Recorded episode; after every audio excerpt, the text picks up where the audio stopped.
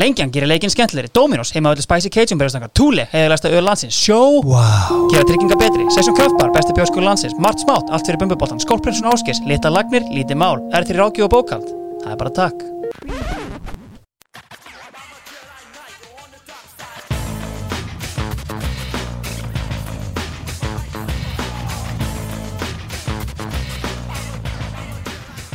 Heldur betur, uh, svona var sumarið, heilsar, uh, án orra, en uh, ég hef fengið til mín góða menn. Uh, Jón Kári Eldon, velkomin. Takk Andri Geir Gunnarsson, velkomin. Nei, ég er með þig hérna. Já, þakka þér fyrir Já, algjörlega. Herri, uh, orri er fann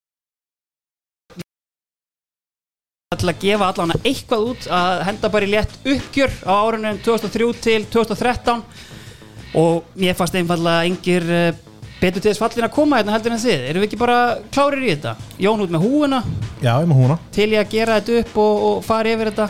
Heldur betur. Andri, þú að þetta, þú veist, þetta er kannski svona já, okkar allra príma ár í þessu.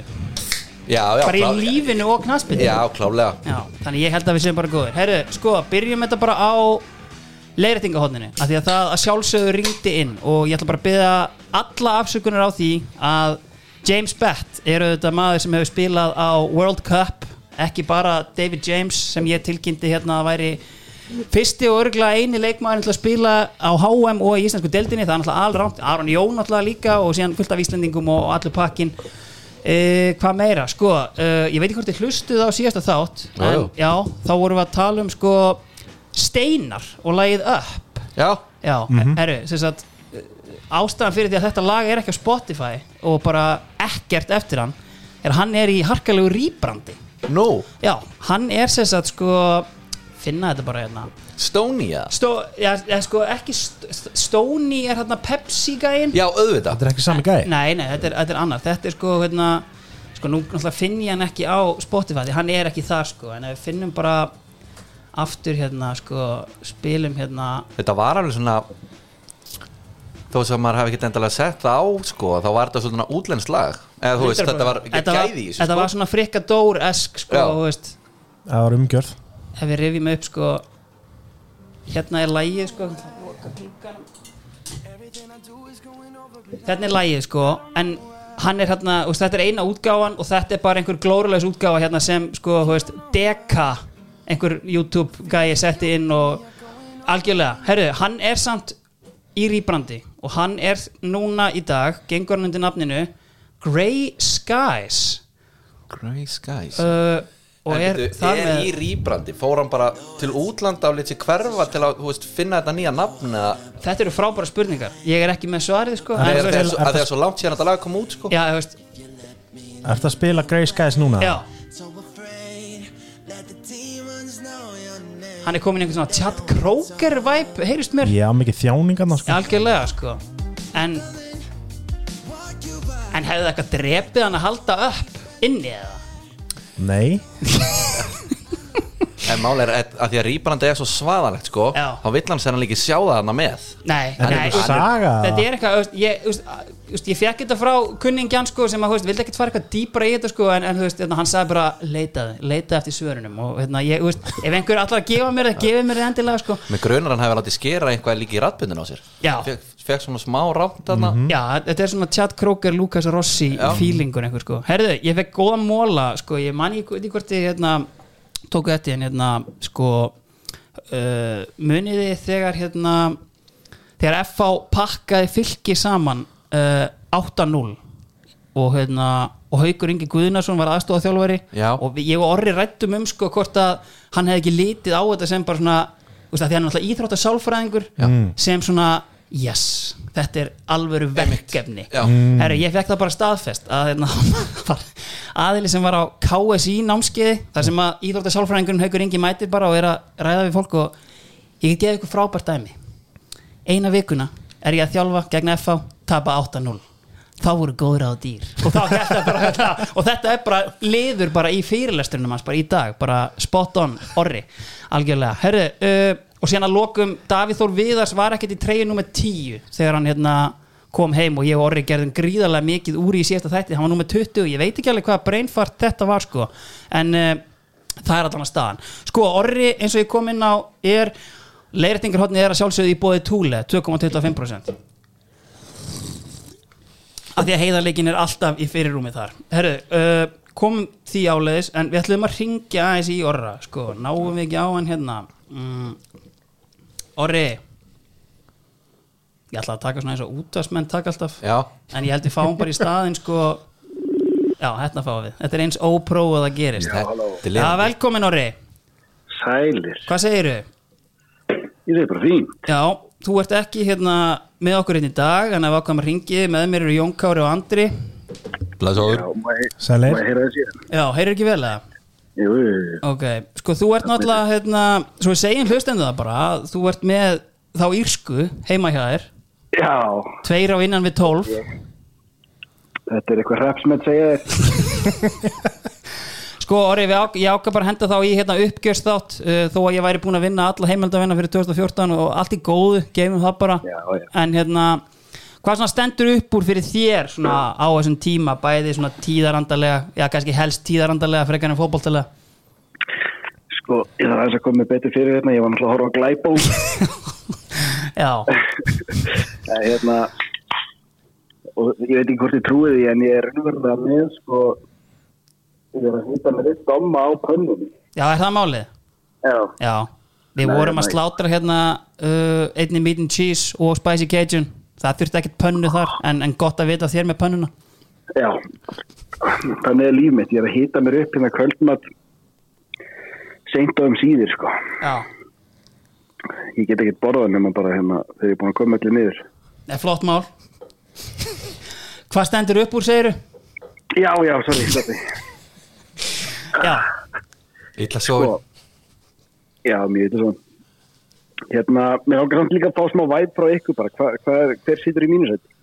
uh, Jón Kári. Ég sitt hérna með gluggan í bakið og, og Andri hægra með við mig. Já, já, já, já, ok. Mér líður bara eins og sért hérna núna.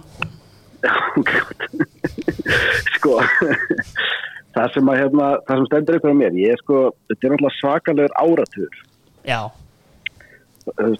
Ekki bara í, hérna, sögu þjóðar Heldur líka bara í okkar okkar lífi sem erum á þessum aldri. Við, erum að fermast og svo erum við að vera fulla þér já Við glemtum að fara yfir fermingarnar okkar. Eða eitthvað að gera það eða? Ég væri til í að þið myndi kannski gera það. Já, ég gera það kannski eftir, já. Ég fekk nefnilega öks í fermingagjöf sko.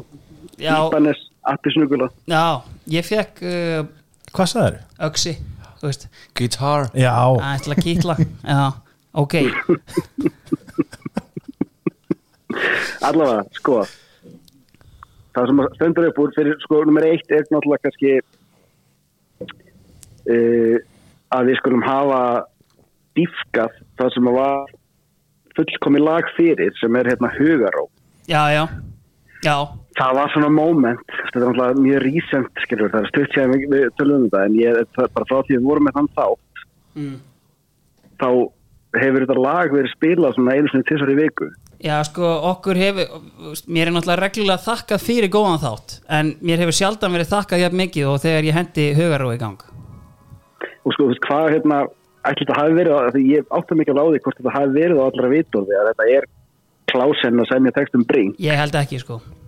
Nei, ég var að fre erum núna. bara, Sjónna sjálf Já, Já, ok við erum bara að fletta ofan á þessu og það að þetta hafi ekki verið bara hérna, forsýðið fyrir þetta vísi er náttúrulega mjög skrítið já Krakkarnir í svona var að- sumarið voru að rifja upp Já, emmitt, það hefur verið gott, sko Kannski Og að ég bróðir held- Lofts Páls takki þetta upp á svona arma núna Fari yfir þetta En ég var að reynda að mun eftir einu. Já, Það sem að stendur upp úr fyrir mér eiginlega í sko þáttun. Já. Það er þegar að orri fer yfir feril tónlistamannsins Helga. Hel, Helgi Rapp Já. það var ekki jafn mikið þakkað fyrir það. Það var rosalegt. það er náttúrulega bara perlu fyrir svín sko. Ég ætla að fá drengurinn og eftir að koma aftur. Já, já, hann er á besta koma svona aldri. sviðið í setni, hálfleik sko. Já, það já. verður eitthvað. Algjörlega. Ég sammála, Nei, en sko, og svo meira sér sko, ég held að læknirinn í stúdíóinu hann að Sveitin Rúnar, já. ég held að hann sé að fara að fá nice surprise um jólinn þegar stefgjöldir mæta henni lúuna sko. Já, það verður er enda Já, djöð Hugar og er að hring, rjúka upp vinsaldalistan hann ringir í okkur þá já. þetta eru tvö lög sem hafa rokið upp svona gömul Eurovision. Það er Hugaró og það er Elisabeth svona á síðustu dögum. En hérna, já, þetta eru svona aðilar sem við kannski heyri í okkur og þakka okkur fyrir. Það er svolítið það Já. Þetta var alltaf stort moment fyrir mér og þetta svona situr í manni já, Svo hérna Svo náttúrulega kvöttu við svolítið greppuna algjörlega. Og- það er eiginlega orðið miklu leiðilegra að sko lesa blöðin. Þú veist, að blaði gegnum þetta. Það er ekkert skemmtilegt í gangi lengur sko.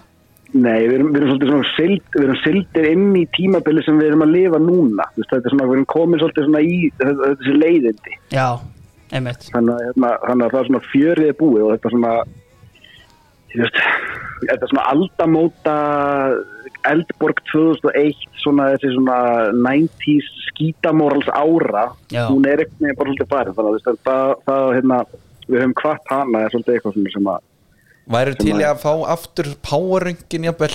Nú veist, Rúna Freyr og fleiri einhverja konur. Framistöður íslenskra kvenna í Playboy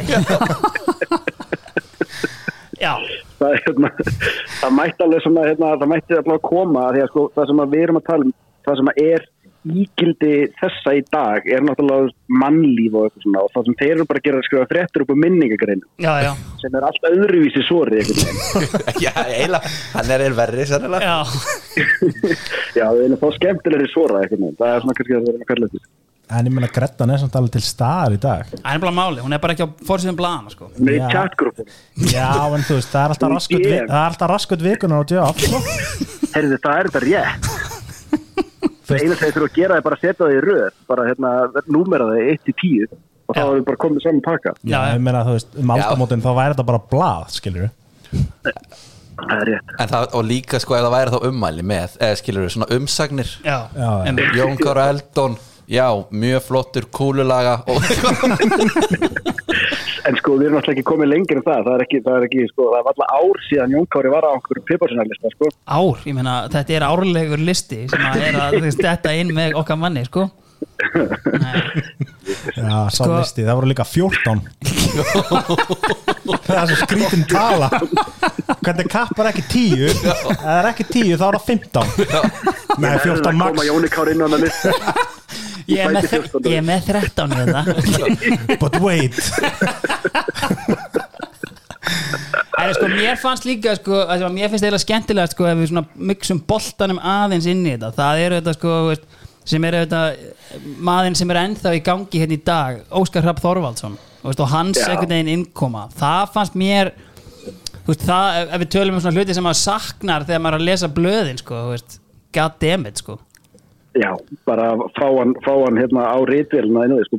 Mætt hann ekki, ef hann tekur eitthvað svona Norrköping eða eitthvað, hvað sem er orðan við, já byrja að láta gamminn geisa um íslenska fótbolta. ég ég var í alvörinni, ég var að ræða við mann bara í gær, bara, er, ég get ekki beðið, þú veist, eina góða við það að blika verið Íslandsmeistarar, Óskar fyrir atvinnumennsku, mm -hmm. verið þjálfari og getur farið að tjá sig freely um hvað honum virkilega finnst um Ísland, Já. hvað honum finnst Já. í raun og veru um íslenskan fótbolta, sko Ég verð að segja, sko, fyrir mína parta þá er hérna upplesturinn á Óskari það besta Já, í, Já. í þáttunum, já, Já, og hérna ég mætti ringa til að heyra hann live, sko ég fá upplestur Ég teka kannski í lokin, tekið góða sirpu, kannski tek nokkra velvalda pista með einhverju tónlist undir og hérna lesu upp Ég bara ætla að gefa út sem bonus track, sko. Já, já, já, ég já, þú veist, já. hann, þú veist það mætti fara með þetta lengra, sko ég var Já. bara til í hljóðbók bara eitthvað gott storytell bara greinar eftir Óskar já,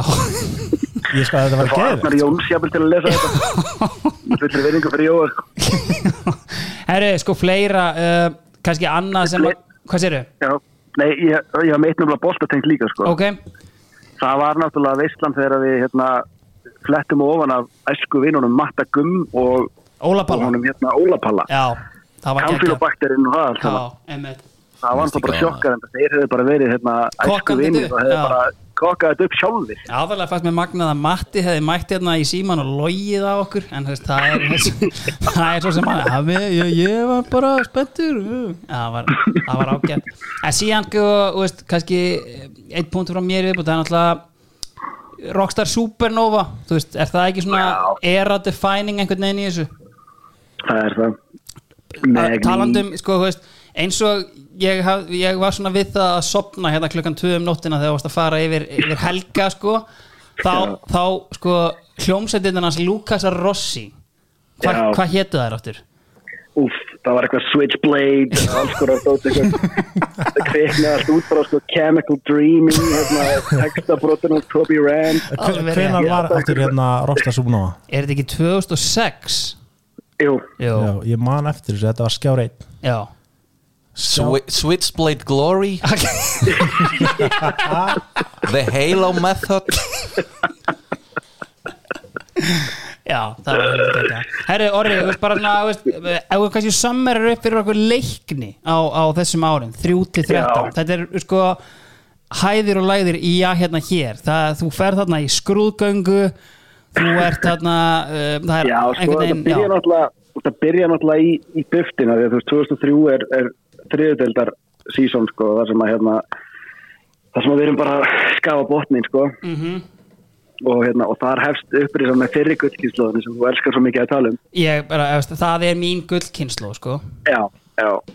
Nei, sko, sko stærsta móment er sennilega 2005 sem er svona fyrsta raunverulega stóra mómenti sem ég man eftir uh, að vera fagnandi á vellirum Já. sem leiklismæður. og þetta er auðvitað alltaf sjálfsögðu í bóði Skorbreynsson Áskers uh, Orri, hvað gera þeir? Þeir uh, myndalagnir meta ástand og Losa fucking stíplur, það er hárið rétt hjá þér Kongurinn gæi Herru, uh, já, Já, sko, 2005, gæi er það já, 2005 er nefnilega stærsta leikningshjarta sögunar já, að stýra skútunni, Garðakun Áskessu. það er svo fallegt sko. Og það er svo góð mynd til að honum sko, þar sem hann er búin að bara bresta í grát á stjórnvellinum eftir að vera búin að tryggja svo, að fara upp í fyrstildar Pældu líka bara mótlæti sem hann lendi í. Ég meina, maðurinn sem hann ætlar henni tímabili með í rammanum Hann ákveður að fara í mánaðar útskriftaferð með vestlunarskólanum Hann þarf að henda val litla Gunnar sinn í ramman og sá blómstræði.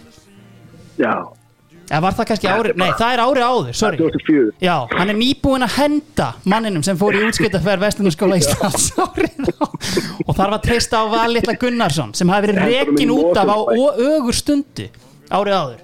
Já. og ákveð svona redemption season fyrir val náttúrulega já, ég meina hann er bara geggjaður þetta sísón og þetta er bara þetta er, þetta er mjög gott sísón í, í heild. Ok, en tölum sem að allt, Og allir, já, sko. allir aðrir vilja samt tala um skrúgönguna og Pétur Georg Markan. Já, það er hérna sko, 2005 er förum við upp í fyrstu deil alltaf bara aftur í 2005 Nei, ég, ég þarf bara að hafa smá áður en ég þurfti, ég þarf að byggja upp aðeins. Ok, Ég flott ekki farið bara eitthvað Nei, í ég þekki þig, já. En hérna 2006 erum við fyrst skiptið í fyrstu deild allavega í mínu tíð, það var eitthvað í gamla daga sem, að, sem að hérna við fórum held ég uh, í þess næsta deild áður hérna, og svo bara lópið niður. En þarna náða festa fyrir sessi og, og það náttúrulega náði ákveðnum hápunkti með Steinar Gísla þegar hann kom og breytti mjög mörgu. Segust þetta D.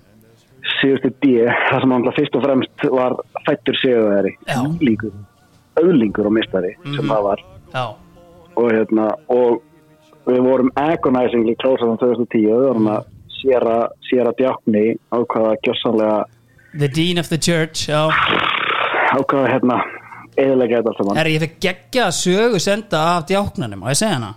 Já, hann var einhvern tímann sko hvort þetta er sko þegar hann er komin aftur á Súðavík eða eitthvað. Þá var hann fenginn til að vera á línunni í leik þriðjaflokks kvenna hjá BI og hérna og hann bara eitthvað, já, veist, já, bara, veist, en, veist, já, hashtag eitt fyrir klúbin og mætti þarna. Og eftir fimm mínútna leik þá lítur dómarinn á hann og bara, hann er gjörsanlega sprungin hann er bara, bara hvernig fara þér eiginlega að þessu? Hvernig gera þér þetta? Og hann bara, ég, ég get ekki með, hverjir er eiginlega að sinna þessum störfum? En þá tók hann þá tók hann báða helmingana Nei, hann var að taka báða helmingana. Já, og, og hann var réttilega bent á það að heyrðu, slaka þá, sittu bara einn í línunni hérna og, hérna, og náða að klára leikinn sko, eftir það Það var bara þú veist, Þetta getur ekki verið. E- e- veist, reliable source sendi mér þetta sko. Ok. Þannig hérna, þetta var hérna þú veist, ég eiginlega trúði þess ekki sko en þú veist, þetta er samt eiginlega of gott til að hendi þess ekki loft. Já, klálega og bara látum þetta vera það. Já, hann fyrir sér á sprettinum með Já, sko, ok, já, var nei, gjörsamlega snú bara sóknin með einn, ég er að koma, ég er að koma. er litla bastli sko í útsparkinu. Líka, Pétur, varst í línum, ég var hinum. Já, Þýkulega gott. Æjá Svo já. var náttúrulega Svo var náttúrulega eitt risastort hérna, Nei, já, sorry, leiknisviðferðin já, Sko, við erum náttúrulega Við kláruðum til 2013 Það er mesta svona Það er eitthvað brewing Þannig að það er 2014 sem ég fæ loksins já veist, það, sko. Þess vegna er náttúrulega svo galið að þú hefur fleikt þeim írska út þarna veist, fyrir það að ná að taka þetta upp sko. það Ég var að það stilla mig hérna- inn á einhver korters leiknishotn hérna. Já, já. Það er, næ, það er næstu því eins og þetta hafi verið óvart hjá mér. Það Já, að ég- Þetta þetta er eitthvað bara Já, en hérna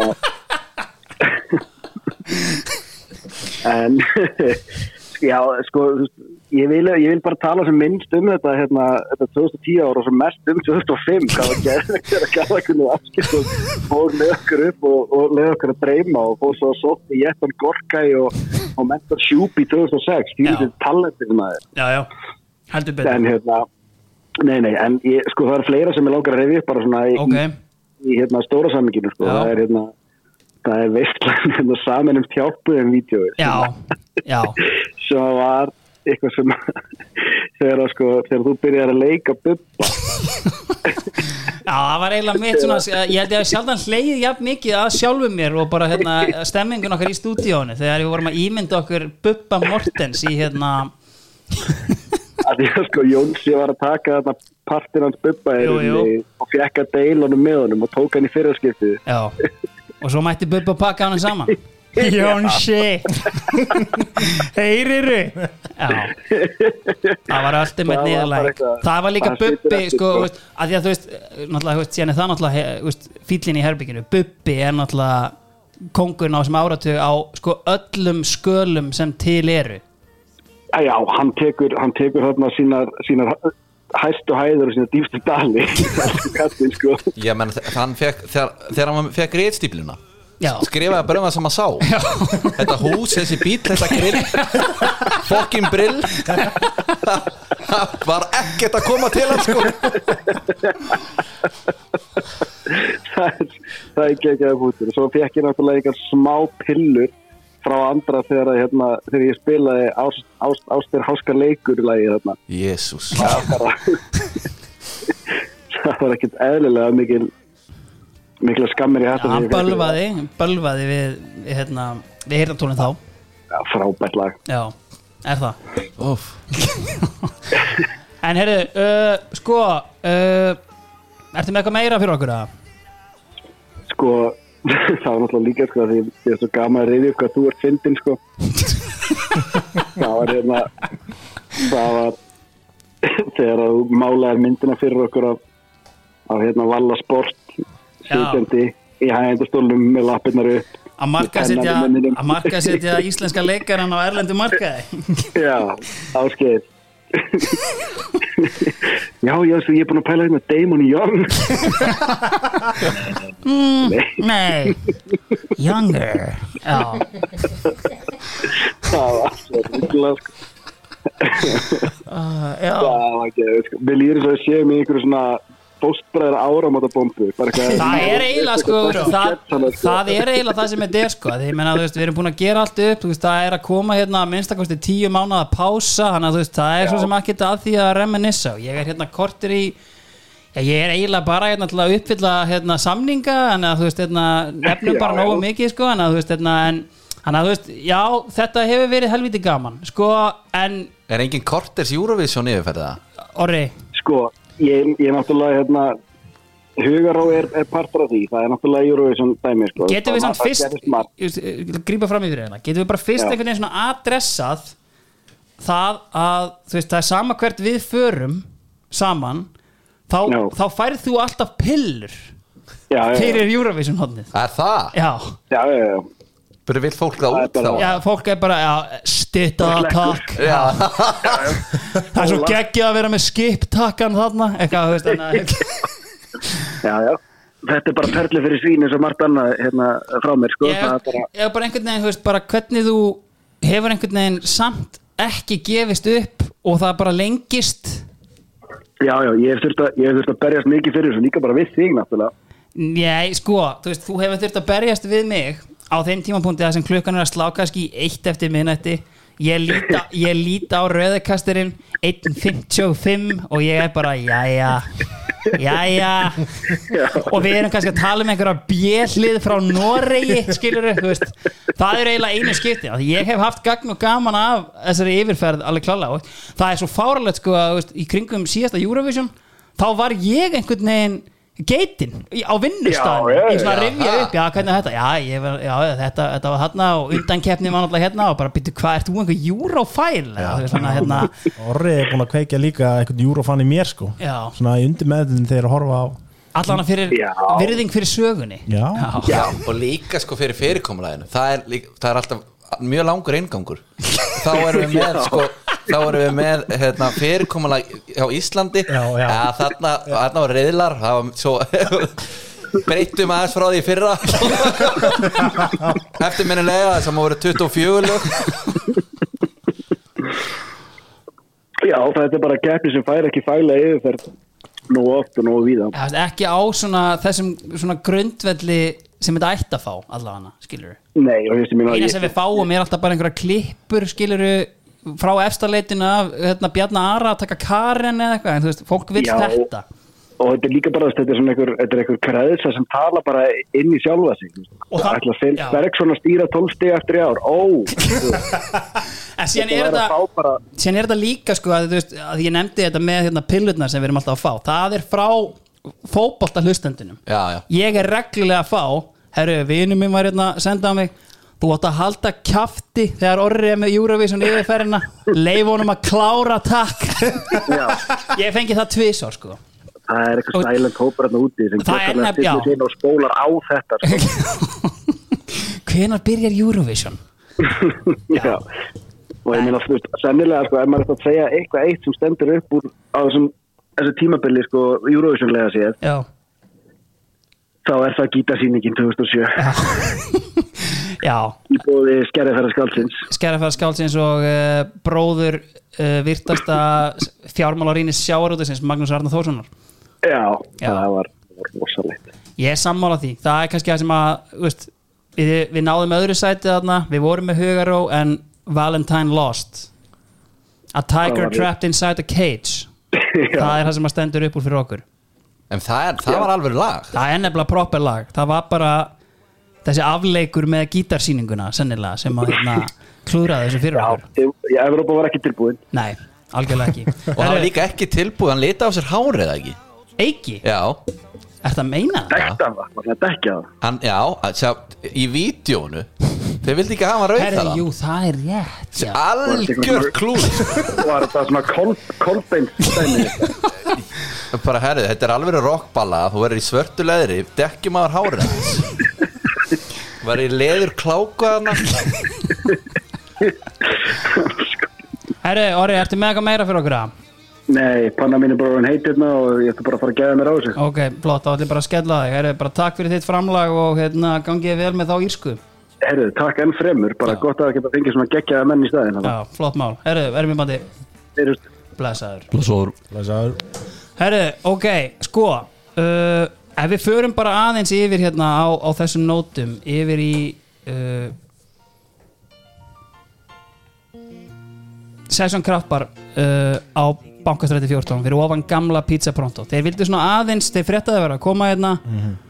Og þetta er eins og ég kom inn á áðan hálfgeft svona golden era. Ég meina við erum hérna fyrirfættir 89 Já, við erum með okkar bestu ár þarna eiginlega myndu einhverju segja. En sko kreppan er eiginlega að grípa mig algjörlega þegar ég er að mæta þarna downtown ég man ekkert sérstaklega eftir því hvernig var að vera uh, man ekkert, ég var ekkert þáttakandi í eins og til dæmis góðærinu. Voru þið að ná jammi á góðæri sem tveimur árum eldri menn? Nei, ekki þannig. Eitthvað þannig sem þið takið eftir eða munið? Nei. Nei, Nei. Ég man bara, ég var í tíma einu sinni Þá var að ræða þetta. Já. Situr hliðan á gaur sem var einu eldi en ég.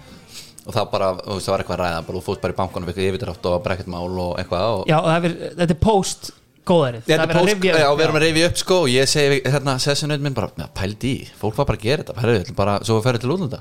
Og hann bara, já, ég ger þetta ha, já, já. Fóttu spánar, keftum með leysibói. Uh, og kom bara með hann heim í já, fraktinni svo var þetta bara í svo var þetta bara í, hérna svo var þetta bara í ræðgrislum hérna eitthvað alveg í mörgar og eftir sko. Já, ég held að allir á flestir okkar aldrei hafi bara litið á hann yfirdrátt sem jammoni sko. Já, og og ég, sko, mín stífasta minninga að því ég næ sko einu ári í mentaskóla af góðæri. Uh, og það var alveg proper góðæri, það var frýr bjór á öllum bjórkvöldum og, og eitthvað svona og, og bara allt kvöldið einhvern veginn. Það sem ég tek helst eftir, að því að þú veist kreppan didn't hit me really hard einhvern veginn og, og, og mitt fólk einhvern veginn annað en þú veist, það var kannski einu færri utanlandsferð eldur en vanalega einhvern veginn. En það var landi út um allt. Já, Já, menn voru mikið að brugga sko í Vesturbænum þessu tíma sko. Ég man eftir því. Ég man aðalega, maður sá ekki lengur stert áfengi, þú veist, bara úr flösku Kosken korfapelarnir höfðu mikið verið vinsælir hérna á árum áður, þeir eru reyndar enn vinsæli en það ódýrasti vodkin í ríkinu sko, en, en þú veist, það var bara hérna, þú varst eða ekki maður með mönnum þú varst að halda upp á ammæli nema að vera með góða landabólu, Einmitt. það var svolítið svona sem að, en þú veist, ef við förum bara yfir svona staðina. Við erum hérna með fulltur á prikisins, eða priksins Einmitt. Ég byrjaði að stunda priki bara mm, eins og flesti Vesturbæðingar bara. Já, þegar maður svona byrja við fermingu Já, nánast sko en þú veist, priki á þessu tíma var náttúrulega var geggja sko, af því að það voru alltaf bara e, árgangar skilur úr Vesturbænum sko. Mhm. það var mikil svona Vesturbæða staður sko, Já. þannig að manni leiði alltaf eins og maður væri heima á sig sko. það er einmitt algjörlega, sko Andri varst mikið á prikina nei Nei, það er málið, þegar ég labbaði inn þá leið mér eins og Jón var á heimavelli Já. þá var ég á útivelli já, já, ég, þetta var, sko ef ég fór hann inn og tóstu röldi einhvern veginn út já, og svo aftur tilbaka Já. ég átti eitthvað svona, ég átti kannski tvær kvöldstundar á efri hæðinni Já. en það var samt, þú veist, einu svona á þessum árum sko Nei. og það var, þú varst alltaf í öxl einhvern veginn, Já. tróðst svona út og svo bara aftur eitthvað annað sko ég skildi einmitt ekki hvað var því, það var alltaf gjörsanlega stappað þarna og þú veist, þú veist aldrei sæti þú veist, hvað var hvað er næst þarna bara ekki er, ég, ætla ekki, að- ég er ekki að auglýsa þætti hérna Nei, en sko, veist, þá er session kraftbar en, þetta, en þú veist, hvað var, veist, hvað var var púlið bara, það eru allir hérna.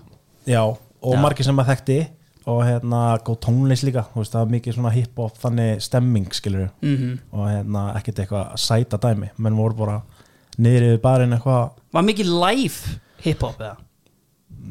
Var það ekki bara þar erpur þurft að borga tilbaka? Það komi stundum einhver að grípa í mækin sko. Já, en hérna ég man bara þetta var eiginlega bara þú veist Danny Deluxe var hana mikið. Já, Jónas Óli líka. Benny Bíröf þú veist Já. þessar helstu sko. Þessar geitur. Já og þú veist, þeir voru að róteita skiliru á vegamótum. Eitthvað á hverfis líka. Og við vorum stundum bara elda þá sko. Þú veist að elda plötusnæðin Já, þú veist, það var alltaf bara, heyrðu Jay var að spila á vegamótum, kíkjum. Sick. Þrý fyrir einn já. Þrír fyrir Þrý fyrir einn er alltaf koncept sem við þurfum að ræða sko. Goddammit maður. Og hérna spilast okkurinn.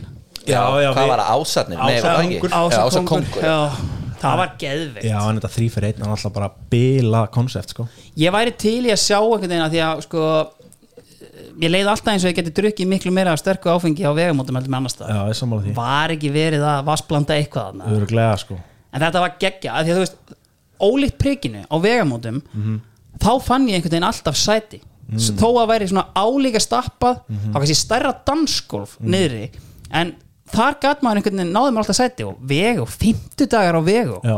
god damn it maður. Svo líka bara föstu á löðar og maður var alltaf svona 11 til 1 Já, Svo tæmdi einmitt. staðan alltaf klukkan 1 hann, ég held að hann hefði loka tvö eða eitthvað, Já. sem var svo geggja koncept þá kannski þurfa alltaf eitthvað annað að því að á öðrum stöðum þá endaði maður bara á því að á því að bara vera það til lokunar en þarna varstu með eitthvað svona milliskref sko Já, sko, 50 dagar voru sterkir hana en ég myndi segja að 50 dagar Oliver, Já. það hefur verið sterkari sko.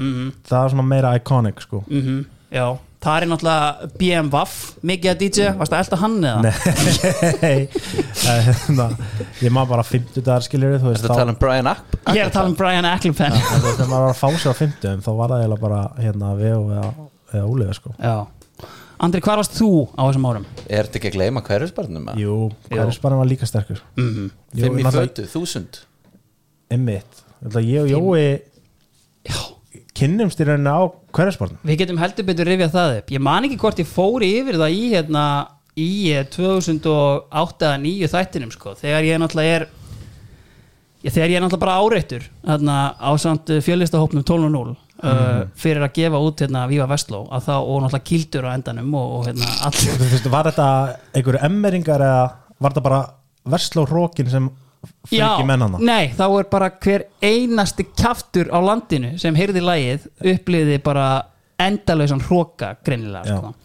Uh, nei, nei, það einskorðaðist sko alls ekki við MR MR-ingarnir voru hvað léttasti með þetta Já, eiginlega, ok. sko. En ég skýt alveg við ekkert það Ég fattaði ekkert þetta djók sko nei, Fattaru, ég ná- næ ekkert einhverju kaltæni nei, og auðvitað er voðalega- þessum tíma, sko. nei, og, veist, og hérna, ég held ég get alveg sagt það að okkur fannst þetta alveg allt sem við sögðum sko í læginu við, við upplifiðum okkur sem langt besta skólan og þú veist, ég meina auðvitað er þetta grín og svona dissað einhverju leiti en, Já, er ég meina tölum ekkert um mann annað en peninga Já. Þau fengi Eitthvað. Það er- já. en, en ég er að segja, þú veist Þú myndir aldrei Ég, ég trúi því allavega þannig í dag. Já. Þú fengir ekkert menn í þetta Öðru sem að sé eitthvað smá hæðin í þessu Nei, líka. ég man bara að því þú veist þetta stuða svo ógislega marga og hérna þetta fór á Facebook og eitthvað. Já, þetta Og- fer á Facebook. og það var fyllt af fólk sem tóku sig ekkert sem gríni sko. Nei, og þú veist, þetta fer á Facebook sko hérna um kvöldi þegar lægi var spila fyrst.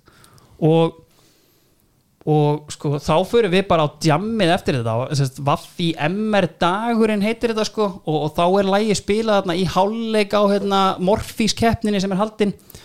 Og síðan er þetta bara farið á Facebook og ég vakna og það er allt í henni bara búið að takka maður í myndbandi komin einhver hundra like sem að höfðu aldrei sérst á Facebook sko Emmitt og, hérna, og, og þetta var einhvern veginn svona dæmi sem að uh, maður bara fatta ekkert. Og, og allt í einu er bara, þú veist, eru allir að senda mér sko einhver screenshot af fólki bara basically að hrauna yfir mig hvort sem er persónulega eða segja meðlim í fjöllistarhópnum. Og þetta var algjörlega fárlegt. Og þetta er náttúrulega nær hámarki þarna á hverfisbarnum. Þegar Já. við erum sko við erum að klára að gefa út þáttinn ok, og, hérna, og, og setjumst á hverfis með fimm í fötu. Bara aðeins að taka nokkra það var einhver, það var einhver hérna, trúpador hérna og við setjumst reyndar því miður var eini básinn laus alveg upp við sviði þannig að við, við plasseraðum okkur mjög front and center hérna, þannig að við böðum kannski svolítið upp á þetta. En svona hægt og rólega sjáum við þetta er svona viku eftir að lægi kemur út. Hægt og rólega sjáum við að það eru allir inn á staðnum að horfa á okkur hver einn og einasti. Og, og sko, ef þeir eru ekki að flissa þá eru þeir með sko deadly eyes. Bara, þú veist, fucking homma titta helvíti skerpi svona töluðum enn á þessum tíma sko. Já, ég veit ekki fyrir en að allt í einu er ég orðin rennandi blöytur einhvern veginn á bakinu og eitthvað og ég bara, ég er ekki að svitna hérna. Nei, síðan fæ ég bara í andlitið Nei. Klaka. Þá er fólkið á efri hæðinu Já. á kveppanum það er að negla niður klökum úr fötunum. Bara basically bara get out of here! Drulli ykkur í burti já, já. Það var stólar og allskins hluti flóið þarna efri hæðin Já, sko. og sko þá erum við bara svona herrið, ok, við samt sko við getum ekki farið veist, það er ekki hægt Maður Stand our ground, okkur, sko. Nei, ok, Já. en, en við fó, ef við fórum þá fórum við bara svona einn í einu og ég fer á klósettið Mhm. og gangan að klósettinu er einhver svo erfiðasta sem ég lend í af því þar eru bara menn það er enginn að færa sig fyrir mér sko Nei. ég þarf bara að snákast út um Mhm. allt og fara fram hjá mönnum þanga til náttúrulega, ég geng í fangið á Jónikára eini maðurinn sem bara handshakear mig bara, er hérna í klósetti góður, góður. Hvað fórum hausinn á djóðarna? Hugsaðu djöfullin maður, takk þetta af netinu bara núna. Nei, aldrei sko. Ég var alveg stór eða, veist, hérna, uh, með þetta eða, veist, svona, og síðan alltaf gerist það, við erum bóðnir hérna í Harmageddon vondulagakeppnina, við erum örgulega record winners í henni. Já, og, og við sendum hérna sko hérna, backstepping frænda minna Ásgeir Orra og hérna Dabba Smitten í þann þátt. Þar sem að þeir heldur bara áfram já ok, þið eru samkynneðir ok, já ok, þið eru hérna þið eru svona rjómalegir og svona þú veist, er það, það var bara svona áreiti bara í sér sögðu þeir sko um leið og að koma það eru tökum smá auglýsingar hérna, þá er það bara jöhell er þið nettir maður, eitthvað, þú veist, en þetta var bara eitthvað for show, bara til að reyna að hérna, stera menn upp einhvern veginn sko. það hefur alltaf verið samt eitthvað svona perception af vestlingum sem einhverju rjómar skilur já, já, þannig að þið eru alveg að íta undir það.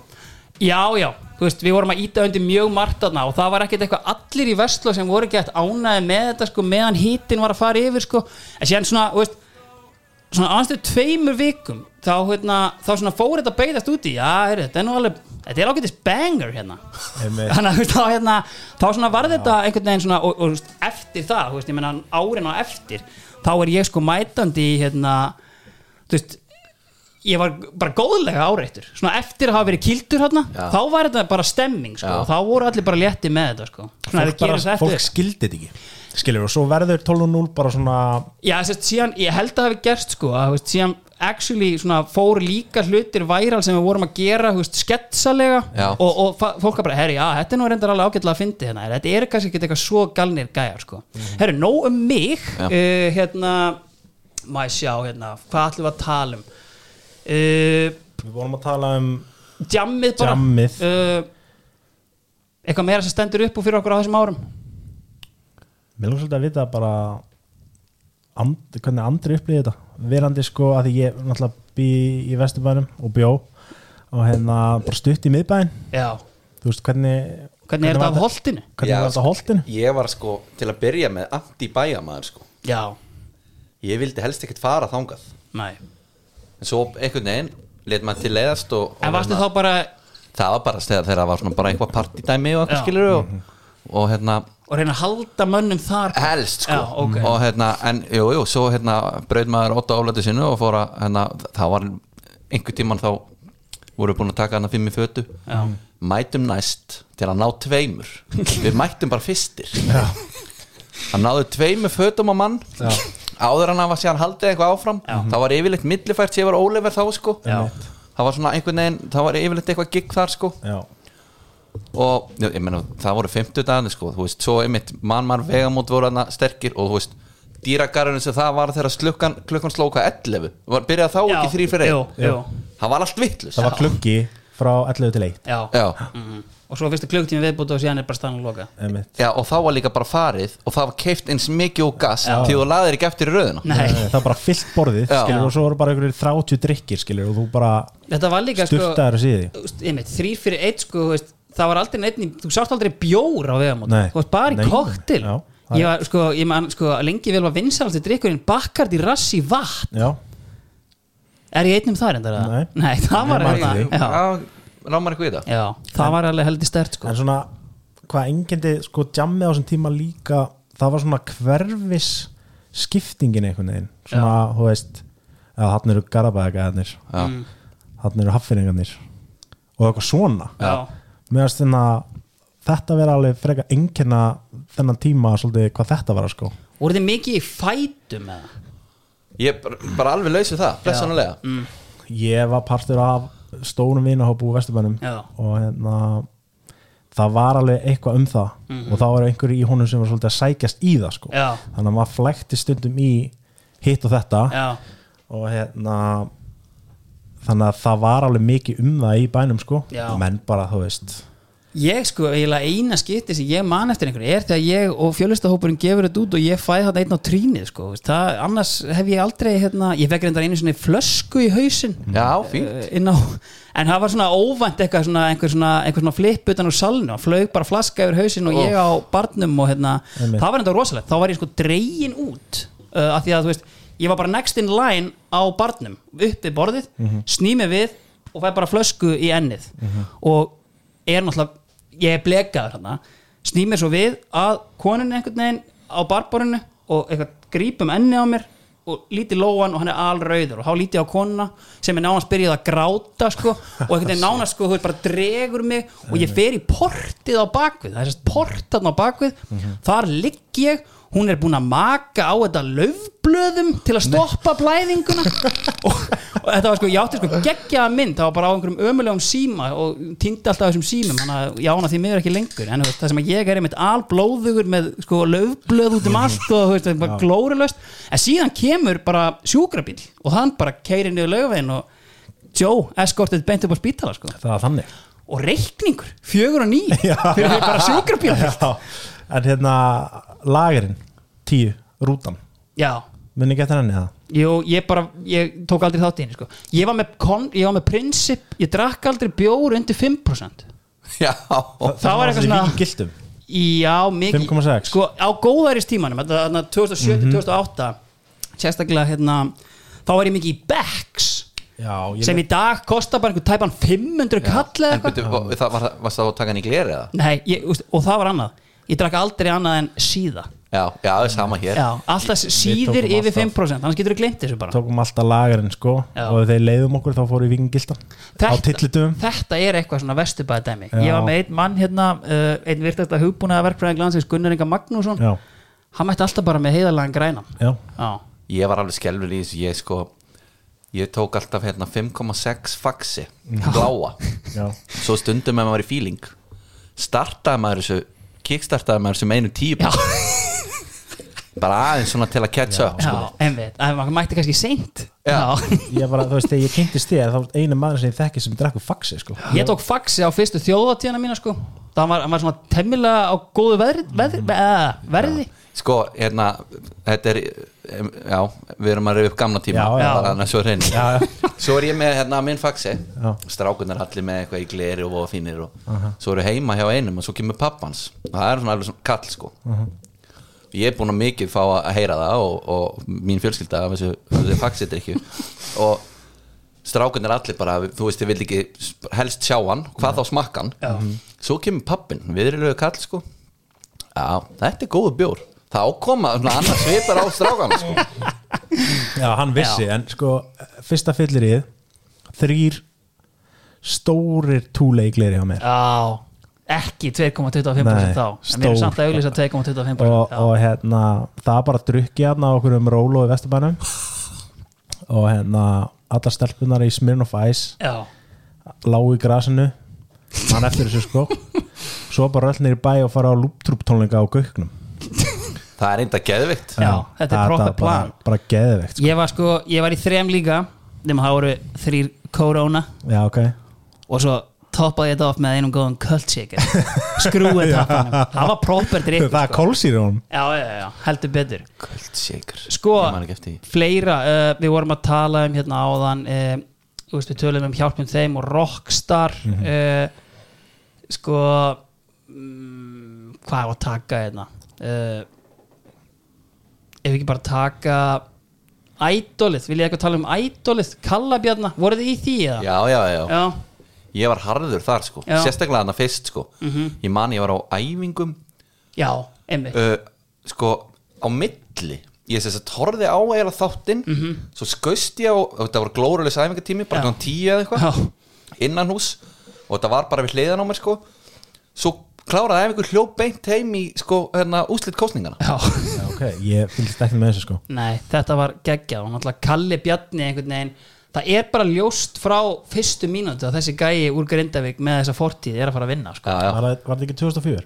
2000 og, jú, örgulega 2004-05 sko. Þú nefnilega talaður um það að hún hérna hrafna já, þú myndir ekkert eftir henni. Nei, það, það var hvað, þriðja eða? já, þriðja. Já. Svolítið þriðasetti nei, það var þriðja seri þriðja eða fjóruða sko, já, fjóruða Já, sennilega. Ég nefnilega hún, það var einhver sveitastelpa sem að mætti að var bara aðeins og krútlega og það þurfti þetta var svona þetta var svolítið svona bandarist sko. Hún Já. var einhvern veginn tekin bara algjörlega og yfirhölið sko.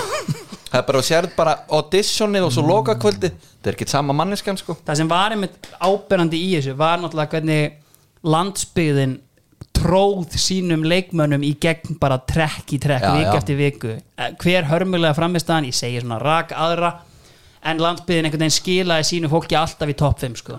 Og vetragarðurinn rest in peace. Já, guðminn almáttu um maður. Vetrargarðurinn. En ég meina, við erum komið ringin, það er idol legin já, aftur sko, verst að vera að flytja og fá ekki að sjá þetta sko. En hérna, það hérna algjörlega, herru, ædol er komið aftur allt fyrir ringi sko, uh, held ég sem svolítið hérna, tæmdi kannski í þessum, í þessum tíðaranda pælingum bara svona to sum it up. Þetta er sko, þetta gæti verið að spanna bara þjóðveldisöldina veist, með að hvað eru mikla sviftingar og breytingar bara í lífinu. Já. Það er náttúrulega líka, það er eitt kannski sem að það kennar að verkfalli já. Hvað Það var þið? rosalegt. Þið eruð í sko vandalega tíundabekk já, er það ekki Jú, ég er í áttundabekk það var bara, maður var bara einhvern veginn MSN framöttu nóttu Já Spila Red Alert Og vakna Mikið. beint í Voruð ekkert að vakna beint í Paradise Hotel á Pop TV jú, blessavertu það var, Það veisla. tími, sko. Já. Þetta var einmitt Og þú veist, það voru allir alltaf að segja við mig maður, bara, þú veist, Hvernig getur við svona sáttu við þetta? Áttundi bekkur er einn mikilvægasti bekkur Ég gæti ekki verið léttari með hann tíma jú, sko. herri, þeir eru að segja það. 6 til 8 vikur af hreinum unaði. Herði, uh, sko Eigum við ekki bara fara í Erum við hérna? Ef við förum bara aðeins í, í boltan og gerum hana sjálfsögðu upp í bóði sjóvá. Ég er ekki með orða hérna með mér ég, Vá. taka, Já, takk Andri.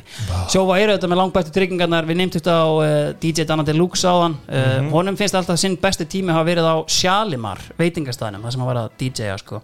en, en í dag náttúrulega stjórnar öllu með harðir hendi hérna upp í sjóvá og sér til þess að allir fái langbættu tryggingarnar sem eru í bóði Sko, fótboltinn einhvern veginn Það er svona svipað og bara hérna Nei, kannski ekki það, þetta er svolítið mikið bara dominance frá F-fáingum Jón Kari, þú hefur þetta, við byrjum bara tímabilinu 2003 mm -hmm. Káeringar verða ótrúlega sagt Íslandsmeistarar á einhvern svona unspectacular hátt þar sem þið klára þetta á 7-0 tapi Já, í Kaplakrika Mást eitthvað eftir þessum leika?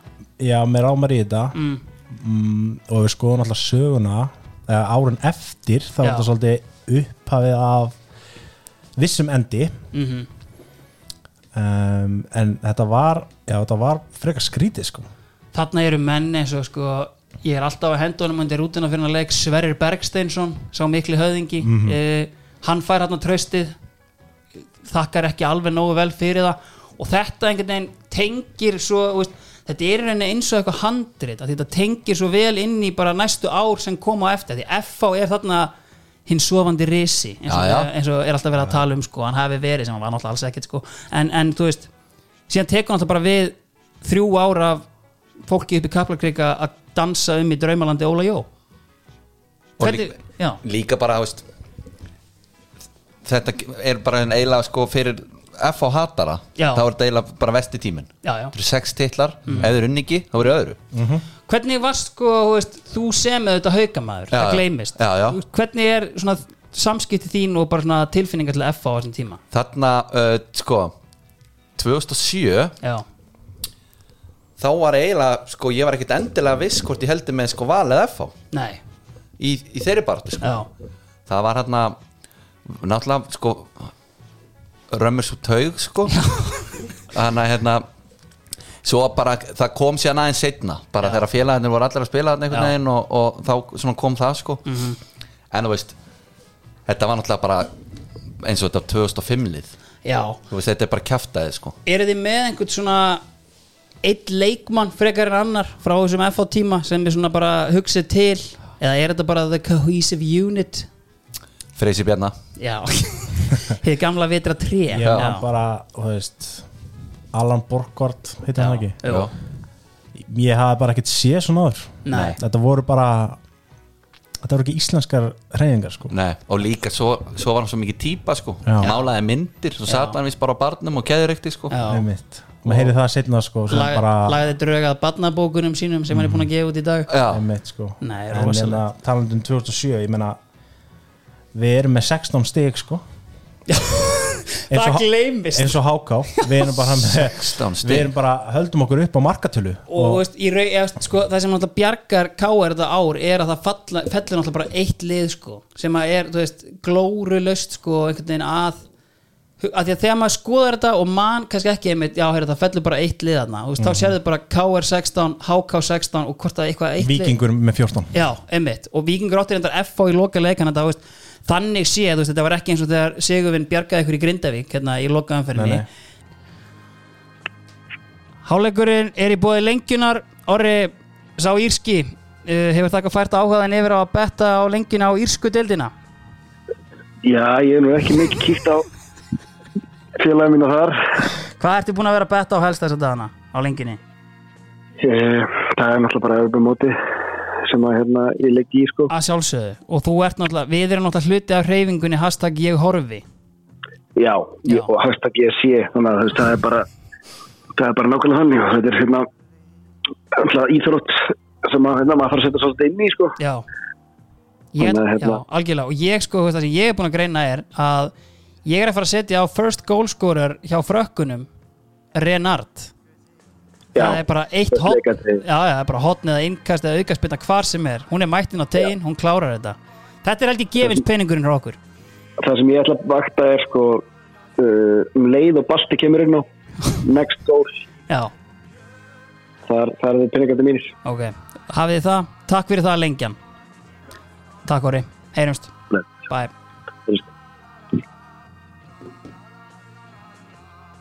En þetta er samt svo þú veist, Valur hefur átt sko léleg tímabilið á undanförnum árum en sko á þessu tímabili 3-13 þú sérð ekkert meiri öfgar í neinum fótbolta en bara framistöðu káar á milli ára Einmitt. Ég má bara, það hefði líka verið bara pælega káriði fallið sko. já, Hvað, hvað hefði gest?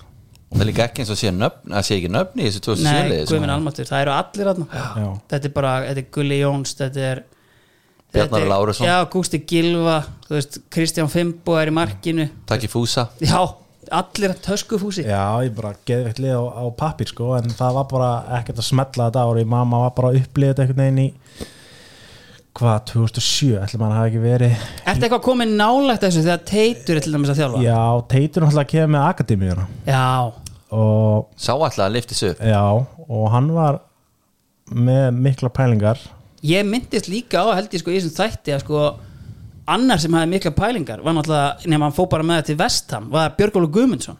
K.R. Megastor það átti að vera eitthvað þeng já, ok, Og bara svona- proper umgjörð. Já, en í maður við vorum mætti bara á aðeins sjö á mótnana sko. Já, fyrir skóla, morgumatur og, og hérna bara alveg umgjör sko. Þetta var alveg, alveg gaman að taka þátt í þessu sko, ég man alltaf í morgumatnum teitur mætti fekk sér bara skinku og rúlaðan upp í ost. Ekkert brauð. Keto. Svo svart Já. kaffi. Þetta væri sko þú veist, það Hann myndi- kemur hérna frá Kanada ekki? Nei, ég held að hann sé að koma frá Noregi þarna. Fyrir Já. setna til Kanada sko. Já. en þetta, pældi, þessi máltíð í dag það, þú veist, það væri allir bara, já, já, já, þessi, þessi er að gera það allt í rétt. Já, já, ekki mál. Með, með svart sko sigurlaust kaffi og, og hérna maður ekkert eitthvað mikið í kaffinu þarna sko Nei. en hún fannst það mjög skrítið því að hann sjálfur byrjaði að drekka kaffi tíu ára eins og hann sagði Og þetta er náttúrulega sko. er náttúrulega bróðin hans Óla Þórðar það stundum Já, gleymist það sko. gleymist sko en algjör toppmaður að bara uh, gekk ekki nógu vel með hérna aðlið það er um máli, ég held að veist, þessir, þessir skingu osta rúlningar með yngri drengjum sko, ekkert mál en, en síðan er þetta að rúla skingu og ost með Gulla Jóns og Bjarnóli Lárusinu og þeir Já. bara eru, veist, heyrðu, En- hvað, hvað er brauðið en, en sko hann teitur vildi gefa ungu görnum líklana já það, Já, og það bara fór illa í þessa gömlu jálka. Já. ég man eftir því, það var mikið tension já, og hérna, ég held að við farið í hérna um, Evrópuleik einhver tíman á þessum árum, ég held að það verið undir teit. Já, og þá var til dæmis Bjarnólfur ekki í hópnum sko, já og láti hann æfa með öðrum. Og þá hvað er bara ekkert eða hvað í hópnum í Já, staðinn? ég meina, já. Ásker Örn Ólafs hann, Já, hann, hann, fær, hann fær trösti Já. og hérna eftirminnilega fótbrítur Habbo í fyrsta leik. Hérna á móti var og hérna, þú veist, hann var líka í sko, hérna Lotto. Já. hérna, sko, já, hérna Zero Gravity, já nei, bara þú veist, gömlu, skilur bara svörtu með græn. Já, Stadio. Já. Sex takar Já, en það fyrir nefnilega sko, þegar kemur þjálfari. Já, og það er bara, herru, við ætlum að lifta þessu upp inn á professional level, mm -hmm. morgunæfingur og eitthvað. Þetta fer bara oft öfugt í menn Já, ég meina, hann var að láta menn hlaupa og hlaupa og hlaupa eitthvað, hitta svona í laugadal laugadags og sunnudags modna sko. Sko ég er að pæla núna bara þú veist, að því að þú veist talað um veist, byltinguna hjá Óskari Hrafni og, og Arnari Gunnlaugs og eitthvað þú veist, ef, að, ef hann kæmi inn í dag og væri kannski ekki með það sem ég held að hann að falli var að æfingarnar voru frá Fortnöld Já, skilur já. ef hann væri bara að mæta með skilur einhverjar, þú veist, þetta system bara morgunæðing og síðan er aftur setna og svona dæmi vera í geggjöðu standi en þú veist, það væri ekki bara alltaf hnébegjur og, og 12 km Já. Já, já. þá held ég að það myndi alveg Já, blífa sko. það var það sem þeir sögðu líka hérna uh, gæðinir í, í mestarloknum Já. þetta var svo leiðilegt sko já, en menn þetta er sko, í fyrsta lagi þá ertu á samning Já. og þú semur til að byrja með. Þannig að þetta séu svona, á kannski sex æfingar í viku fimm æfingar og eitt leikur. Svo ertu allt í hennu bara komin í tíu æfingar í viku. Herðu, þetta var ekki það sem ég signed up for skilur Nei. Nei, hvað nei. þá að vakna snemma mótnan og eitthvað. Fyrir utan það, þá drenar að þetta líka bara andlega. Já, held ég, þú veist, Já. þessi gæir er ekkit upp for it að vera þarna bara alla daga sko. nei, nei, þeir voru líka bara þungir. Já, og hérna allt mótið sko. Já algjörlega, sko það sem að mér finnst líka áhugavert ef við förum yfir hennar tíma uh, vorum að tala um F-fólið á hann og náttúrulega kannski setna, þú veist, K.R. eftir Teit og Loga undir stjórnur Rúnars. Er það, þú veist, mannum hefur verið tíðrætt um íslenska landsliði sem gamla bandið uh, miðjan hjá Real Madrid er gamla bandið. Við erum með, myndi ég segja tvö gömul bönd á þessum uh, áratug. Þú ert með The Back Four eða Back Five hjá FH það er 100% gamla band Gummi Sæfars, Freysi Bjarnar Tommy Nilsen og þú veist Júsveri Garðars myndi ég veist, henda inn í þetta band. Og síðan myndi ég líka segja að gamla bandið væri BG4, Viktor Bjarki og Baldur Sig. Söknum við ekki bara að hafa nokkur gömul bönd? Jú, ég meina og líka svona nær nútímanum. Já, e, talandi um gamalt band þá má fara að tala um valsli, valsliði líka. Já, eiginlega hérna Siggi Lári og, og hérna Bjarni heitir hann ekki? Bjarni Jú, í overlappinu. Já, það er klálega. Og síðan veist, miðjan sko, þú veist, einhvern veginn haukur, Einar Karl Kitty, það er svona hálgert gamla bandið sko, nema, þú veist, síðan vorum við alltaf einhvern veginn að reyna að henda Einar Karl eins og við gátum einhverja hluta vegna, þannig að það er svona einhvern veginn náði kannski ekki alveg þyrri festu sko, en mér fannst þetta hérna, sko, helviti gaman. Annað sem að kannski stendur upp úr eru þessir revenge tours uh, sem að ég hef alltaf gaman af. Uh, og hann byrjar, fyrsti revenge tourin er auðvitað þegar uh, hetjan Guðmundur Benediktsson fær bara stigvélið. Já. að mörguleiti skiljanlega. Hann er alltaf búin að geta hreift sig hérna Ja. einhver tvö ár.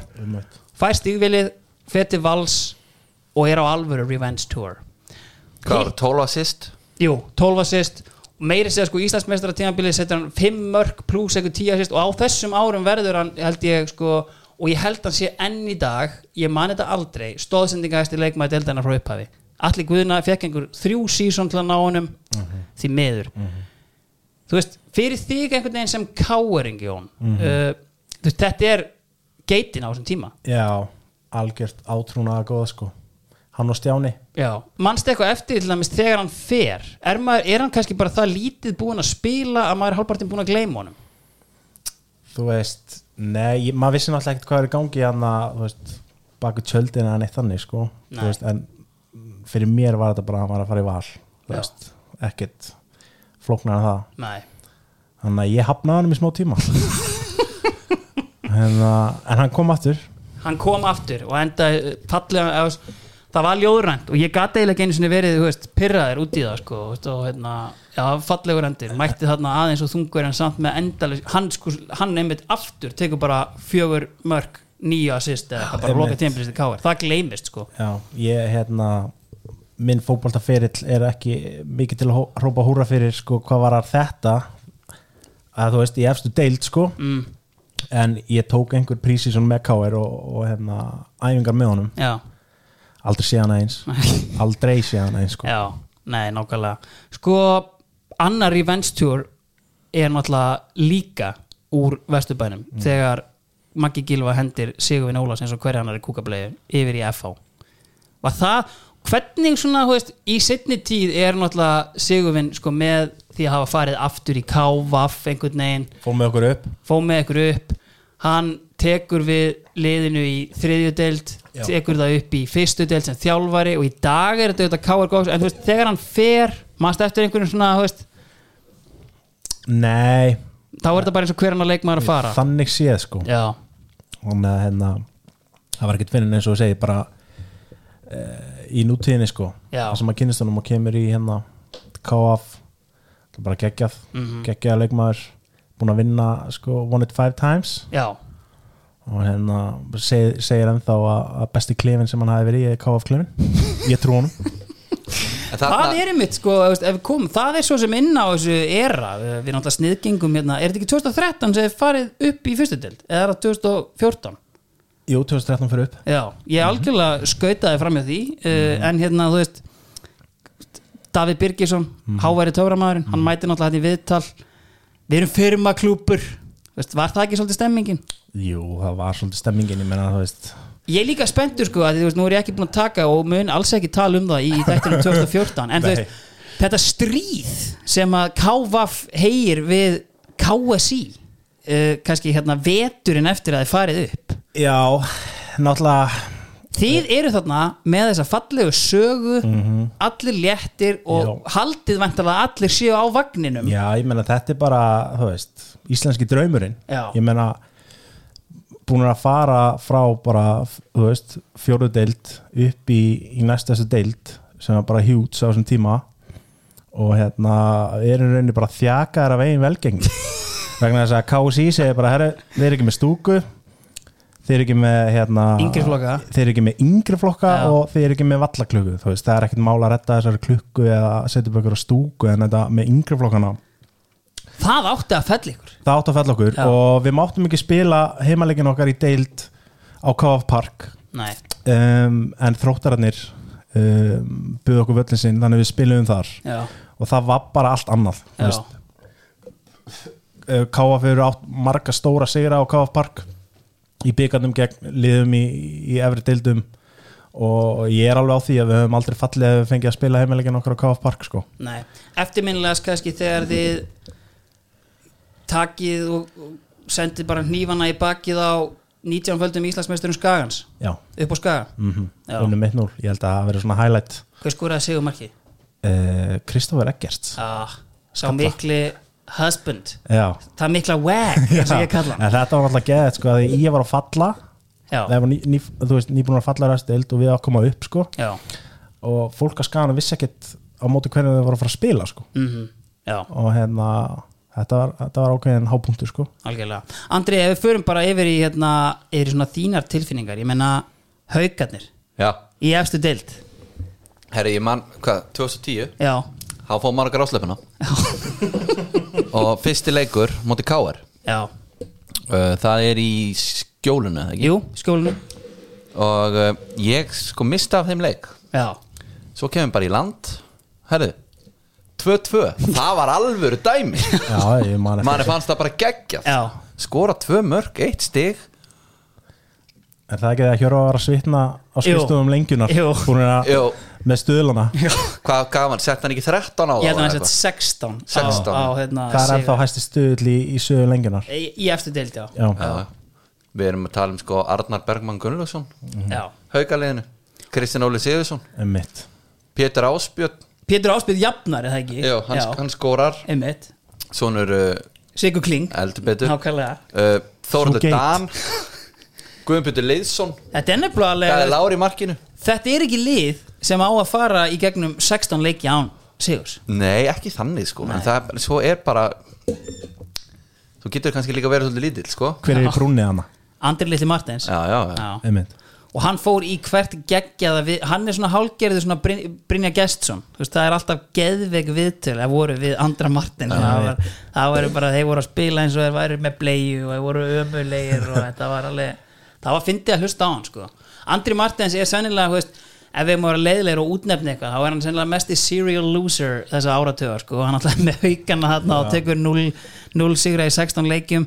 Og sko árið eftir tekur hann við Víking. brunarústum vikings Já. og það stóð stutt yfir. Já, heldur betur. Og það er náttúrulega, veist, sá farsi sem átti sér stað hana ég var mikið að pæla í sko hvort að hérna, hvort að orri hendi á mig. Hefur eitthvað lið í nútíma fótbolta rekið tvisvar þjálfara á, á sísoninu og ég sko held ekki en vikingar eru næsti því þeir reka leif í mars og svo reka er andra þarna í júli sko. Já, og svo var eitthvað mjög skrítið teima ekki sem tók við á honum. Voru ekki einhverjir þrýr mættu? Bjarnólfur var mættur Jú, ekki? Bjarnólf var mættur þarna og hérna, með eitthvað með sér? Jú, jú, haug af liði með sér og, það var einhvern veginn þetta var, veist, ég, veist, já, þetta var meirum þetta eftir, ég er með þetta aðeins í, í quizinu sem við tökum þetta fyrir þetta frábært. aðeins. En, sko, veist, við hoppum aðeins yfir og þegar náttúrulega, þú veist, Óli Jó tekur við landsliðinu Heimir tekur við FH eftir að náttúrulega Valur hefur ræntað en titlinum hérna og náttúrulega, veist, bara náttúrulega ítrekka dominansið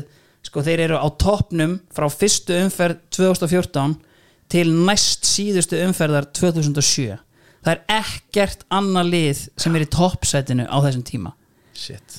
Og svo mætum við valsarar bara með hnífasettið í kaplakreikan god damn it. Allavega, Óli Jó tekur við landsliðinu vinnur samt byggarinn að sjálfsögðu.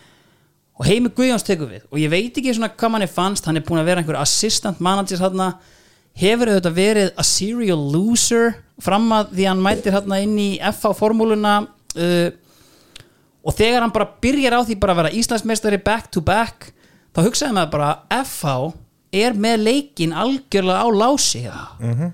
Það er greinlega bara, þetta er svona eitthvað Barcelona móti, Já, það er já. Tito Villanova tekur bara við og það er allir léttir. Já, já, þeir voru unplayable. Og líka bara einhvern veginn hvernig hann nær sko að, þú veist, að því allir viðar, þú veist, það var búið að henda honum í fjölni, hann var slítandi crossbend herði, fá þú bara liklana ég ætla að henda hérna tveimur öðrum liklum á Pétur Viðars og alla Guðna. Já. og bara þið takir bara við hérna liðin einhvern veginn með, með hérna, síðan kemur Davíð Þóra og veist, þetta er ótrúlega maskína sem er ná að byggja þarna á þessum árum og lengi vel bara undir stjórn Óla og Heimis og Tryggvi Guðmund sko, hans heimkoma Já. er til betri heimkoma leikmanns ekki sko þú veist, af því að þarna ertu líka með röð af gaurum að koma tilbaka sem ger ekki neitt Já. og það hefur bara verið, þú veist, Rúna Kristins já. kemur hérna, Já. svo sorgar saga Já. Pétur Martens, álíka mikið röð og hann, hann kemur sem algjör góðsögn frá. Svíþjóð sko. Svo kemur maðurinn bara hérna og þú veist gjörsamlega rúlar yfir deildi er samt búin að vera sko einhverju þunglindi stók fram að því og hann er alveg sama. Bara pakkar deildinni saman sko. Já, En eða smá side note Með Káir í þessu já, Og Gauira sem hafa komið heim. Já. Talaði við mig. Hvað er að byrja? Sko Bjarki Gunnlaugs kemur hérna náttúrulega og veist, það er náttúrulega annar maður sem þarf að ræða hérna. Þú veist, talandi um revenge tour sko. en þú veist Bjarki Gunnlaugs 99 kemur og er algjörlega geggjaður. Spilar þetta bara 11 leiki en er geðveikur í þeim.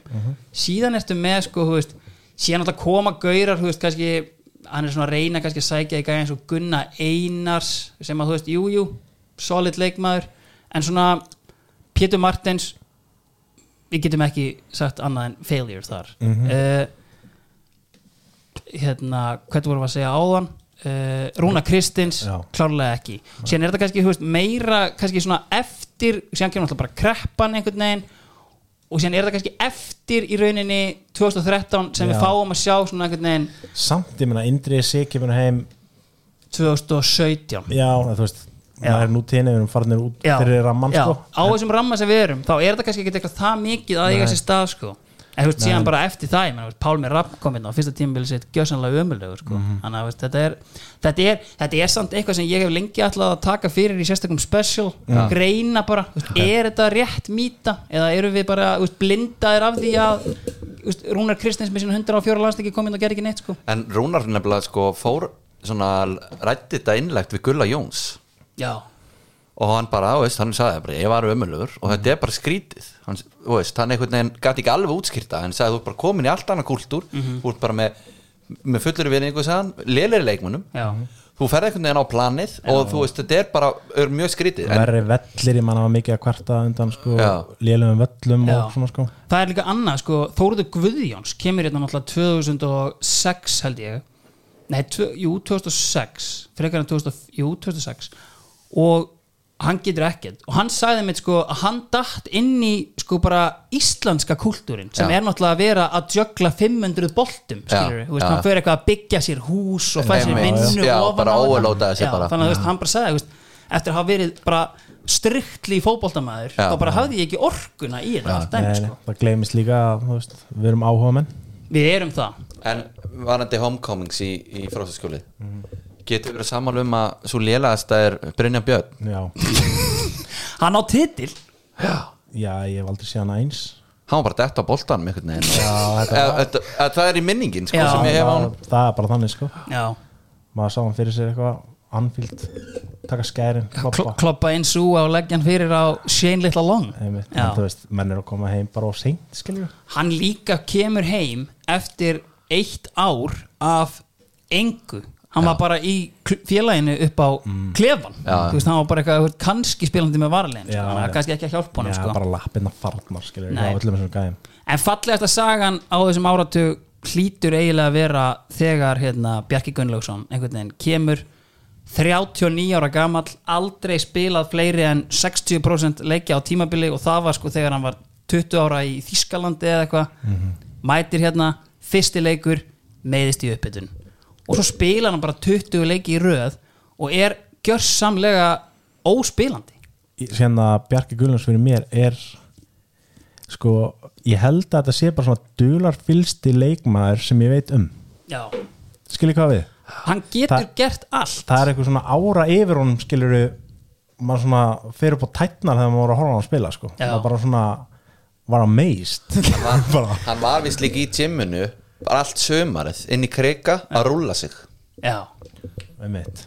Nei, bara þegar hann bara- var ekki út af velli þá var hann að rúlla. Já, og ef þú segir þetta skilur þú veist hann er enigma. Hann er í nefn getur við ekki eiginlega sagt það. Þú veist, þetta er svona gæi, þú veist, ég farið yfir þetta svona miljón sinnum að þú veist, alltaf bara þegar þeir eru hérna, þú veist, high flying tvíburarnir það er hringt í Arnar fyrir öll við Mhm. Algjörlega, ég hef aldrei heyrt Bjarka tala. Nei, ég meina þeir eru að leita að sko upplýsingum um Bjarka það er samt hringt í Arnar Já. eða einhvern veginn Arnar tekur Einmitt. síman sko. Þetta er, veist, og hafandi verið í þú veist, í skugga hökunar bara eins og Kevin Eubanks bara alla sína æfi þá er hann sko bara mættur hérna, herru, og Arnar er líka sko Arnar leggur skóna hillina 2011 hann hefur pottið séð bara, herru, ok núna má ég loksin Ég ætla aðeins að minna á mig en það Hann gerði það í hljóði En með svo miklu grace Já. hvor var það var það hvor var það sem maður framan að séð og heyrt með bensin sinn og sagði þið um bróðu sinn hann er kannski betri fótbolt en ég en ég á flottari bíl?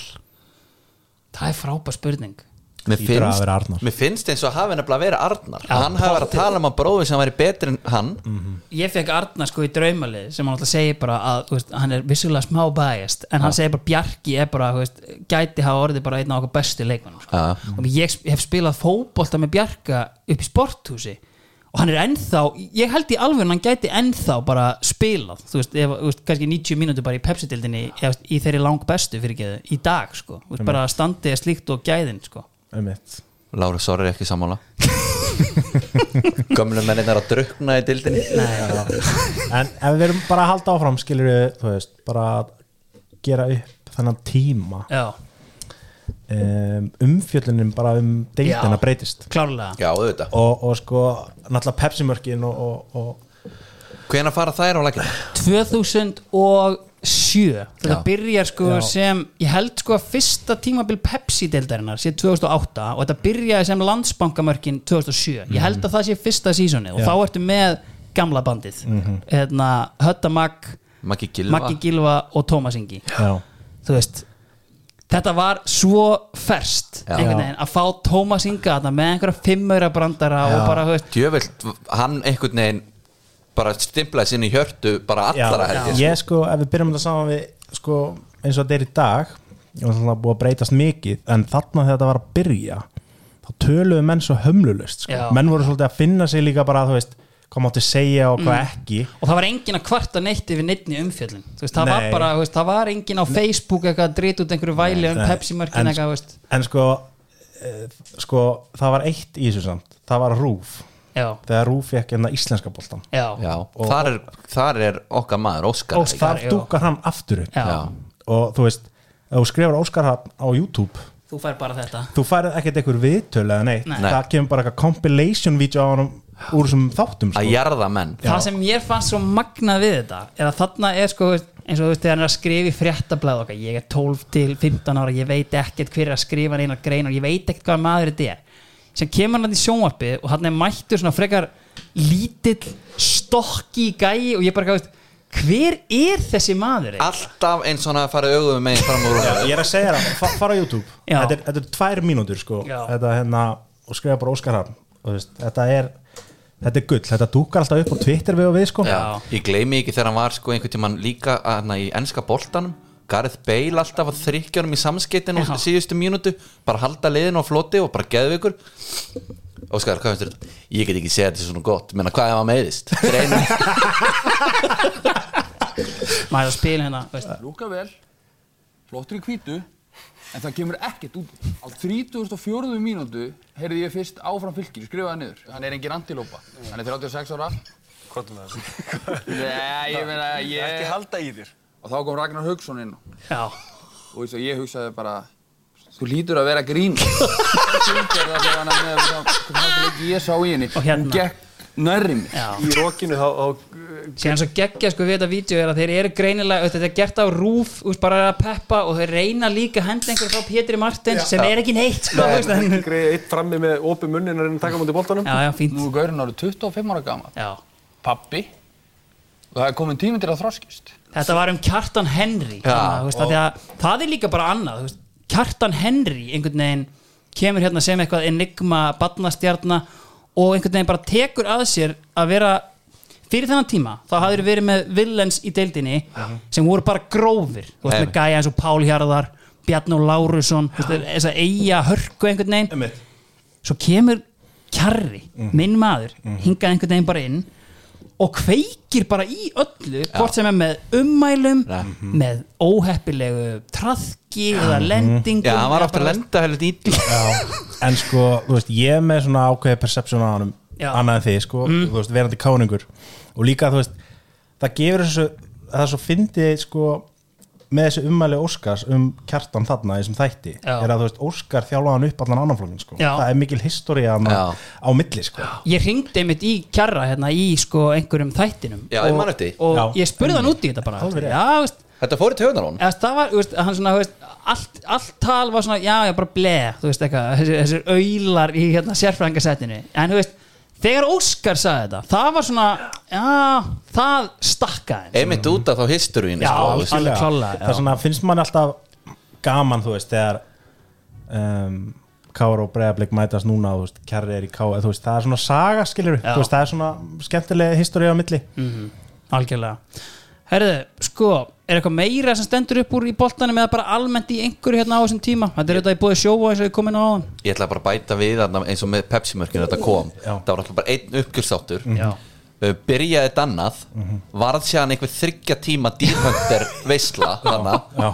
En ég man bara, þú veist það, Menn voru bara hittast Það var bara góð lega í sófónum. Það er hárrétt. Pöntu Dominos Já. Og bara 5-6 Já, saman já. að horfa á Pepsi Ég man Já, klálega eftir þessu Ég meina, og sérstaklega sko eftir sko sigurleiki Já. þá var bara rokið heim Einmitt. til að horfa á Pepsi-merkin og ég veit að sko það voru bara félög þú veist, bara leikmenn þeir drifu sig í styrtu fylkislið og bara beint á blástein ég meina Já. sérstaklega geggju saga það var hérna okkar maður Átni Guðna Já. hann hendi þarna í, í tvennu á móti val í einhverjum sigri og það er auðvitað allt liðið bara hendi sér á blástein og það eina sem er talað um er sé ekki alveg nægilega góðu formi. Já. það var, það, var, það var sárt fyrir kallin Ég man þegar hann kom inn á fyrst fyrir fylki. Hann var í svona appisynungulu öndur armór og það er menn ætla stundum að grenna sig með því eins og þetta virki eins og þetta sé eitthvað korsilegt en máli er, þetta þykir bara frekar Já. vil ég menna Já. og hérna þegar hann kemur inn ég bara, hver er þetta?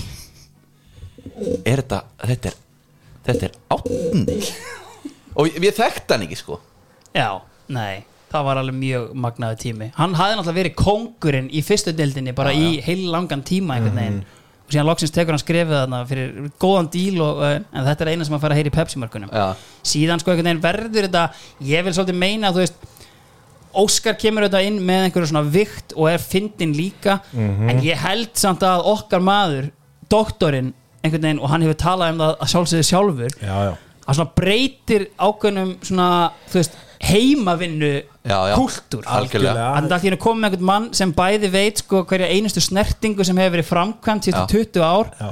og veist, hann, hann hefur sagt á einhvers staðar sko, að, sko, upp á sitt geðveikasta þá mætti hann á einhvern mjög ómerkilegan leik með að til að mæla possession.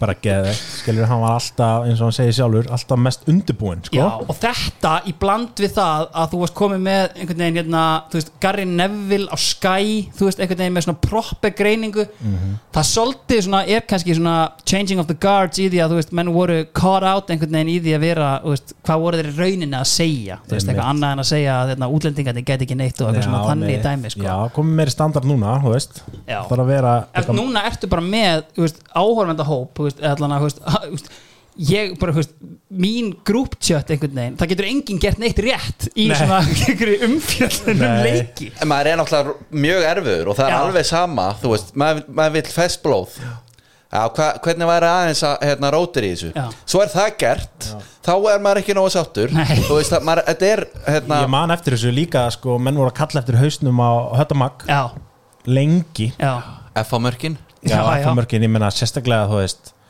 K.R. fer í eitthvað stríð við stöðu sport á tímabili Heldur og mæt, betur, mæta ekki viðtalana heilt tímabil Já. ertu, ertu með hérna þeir fóru sko þetta er náttúrulega hérna, sirpa sjálfsögðu sem að Hjörvar tók saman með þetta sko að, hérna, sem er náttúrulega fárlega þeir voru búin að fá þarna sko eitthvað 6-7 mjög dúbíus bara svona veist, sigur marka dóma eða veist, þetta var alveg víti eða? Þetta var víti, þetta var rángsta þetta var sko eitt sérstaklega þetta var sigumarka mútið Keflavík þar sem að Viktor Bjarki á sko semi að fá raukt spjald fyrir tæklingu þegar hann vinnur var eitthvað og bara leggur upp markið.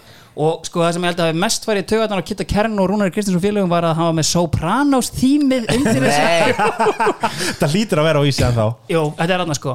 Og, En það sem að svona hérna, Hjörvar sagði samt svona 15 sinnum í þessari umfjöllun Þetta er ekki ástæðan fyrir því að Káar er á topnum Þetta er bara smá skrítið. En, þú veist, en þeir mættu síðan bara ekki viðtöl í hérna, allan að þrjár umferði sko. Það var bara allt brjála og hérna rúnar hérna, þá fóru þeir í þetta seeds mentality sem hefur raun einkjent Káar síðan ég menna bara. svo verður hérna tjanti fræga til. Hötti maggar F og yngur stöðu sport veit ekki neitt. Það er út frá þessu En það er, þú veist, að þú segir þetta einmitt síðan í dag ertu bara með sko, Hötta Magga á King Viaplay.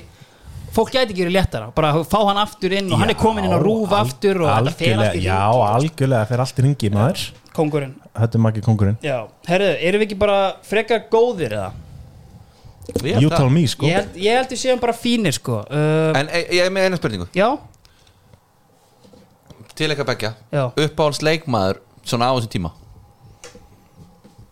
var að byrja þú já, ég skal byrja. Ég myndi segja, sko, minn uppáðsleikmaður hlýtur bara að vera Guðmundur Benediktsson. Já, þú veist bara á þessu era fyrir mig þú veist, ég kem ég elst upp við það að Valur get ekki neitt. Einmitt. Ég missi algjörlega af gullárunum, þeir eru líka góðir í upphafi 90, þú veist. Guðni Bergs er að spila með liðin eitthvað.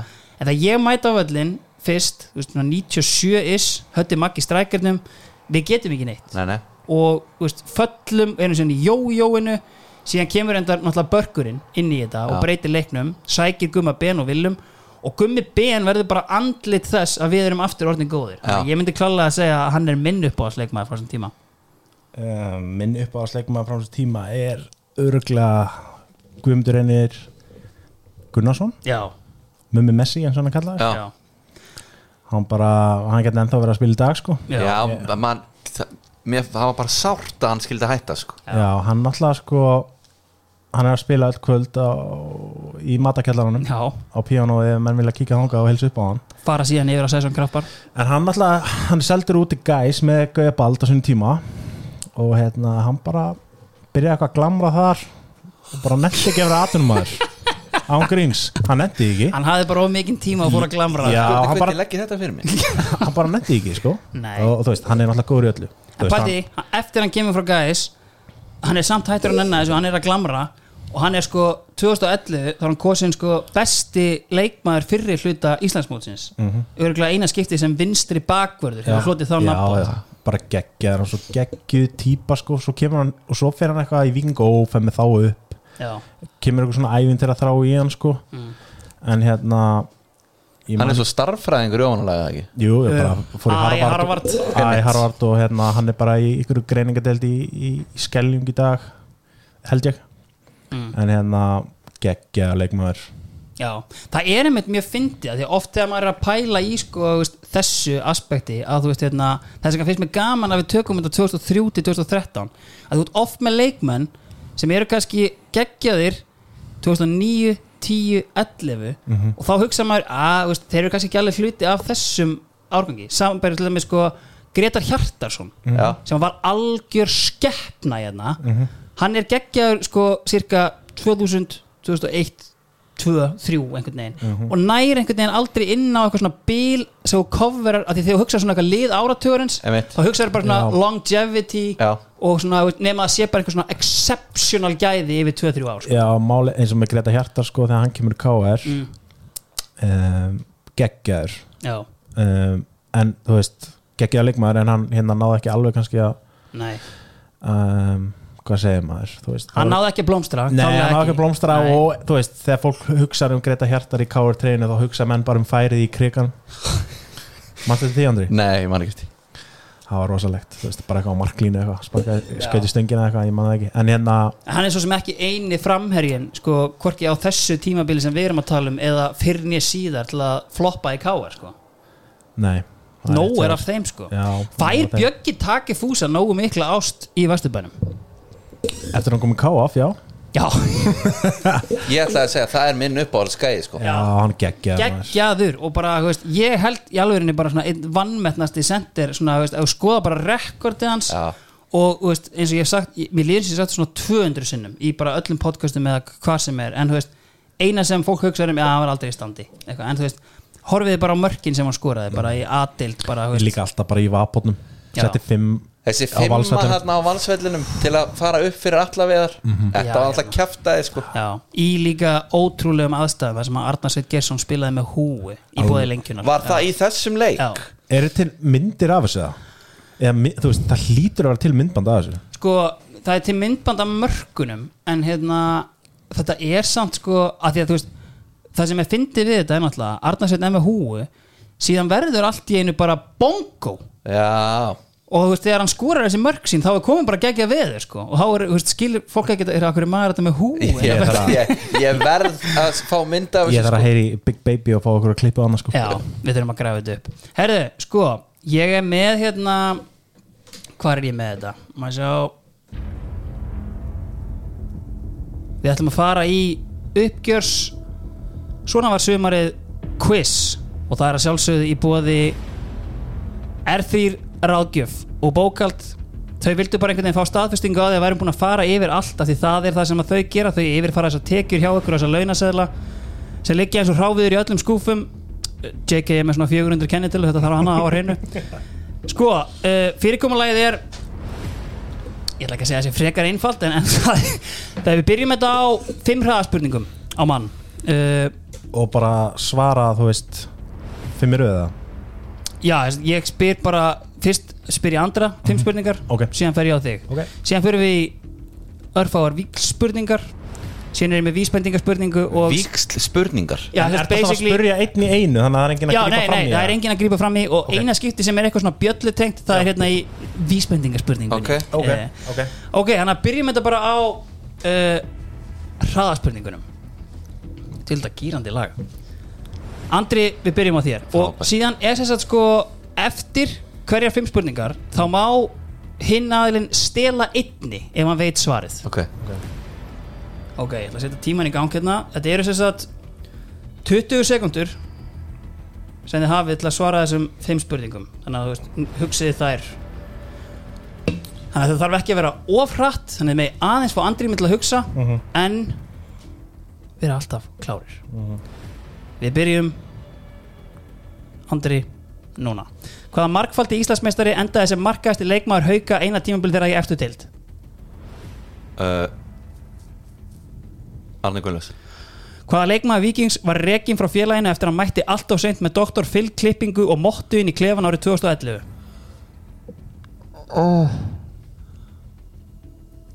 Djöfullin Pass Árið 2007 eruðu valsmenn Íslandsmeistarar og Helgi Sigursson var kosin besti leikmaður mótsins en hann varði ekki markaðasti leikmaður mótsins eins og umheimurinn heldur. En hvaða sóknamaður fram sem kom frá FH var það? Jónas Grani.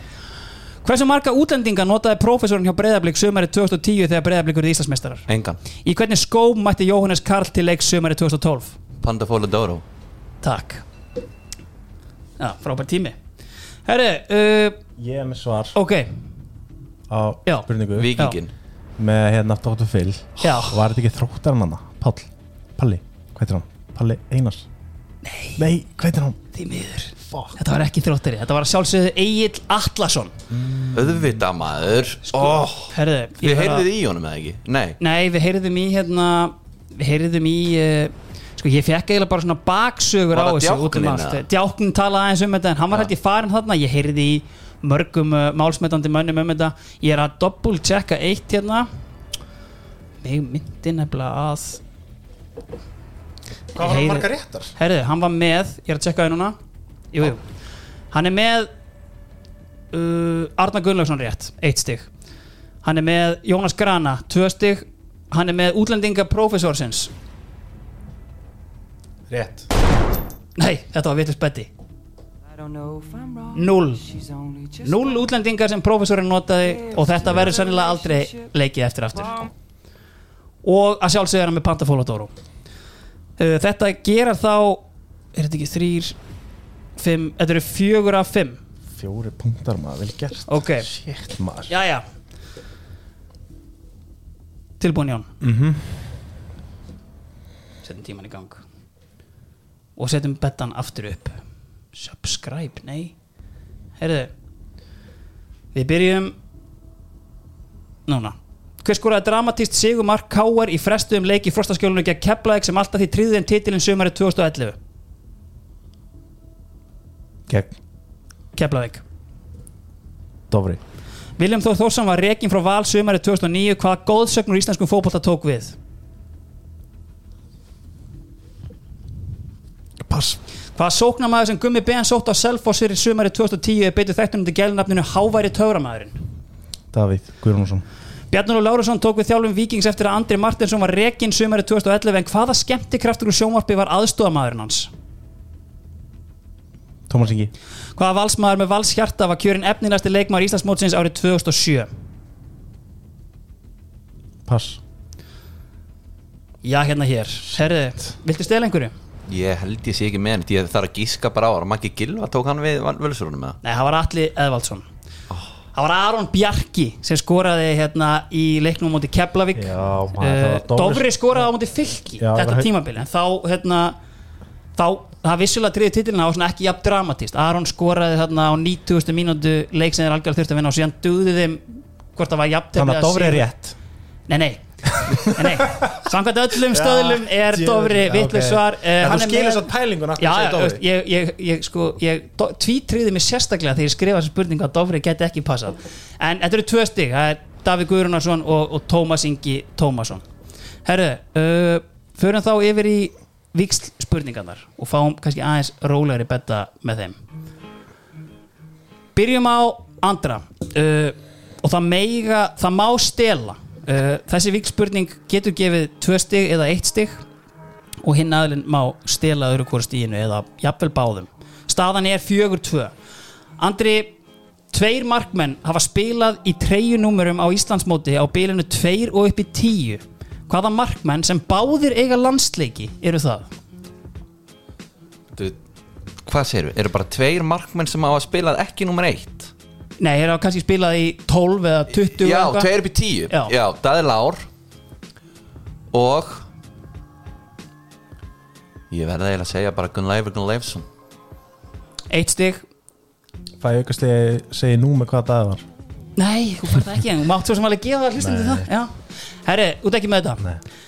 Daði Lár, nummer 7 að sjálfsögðu. Jón Þorgrimur Stefánsson, nummer 1 Kjartan Sturluson í fylki nummer 10 Óf?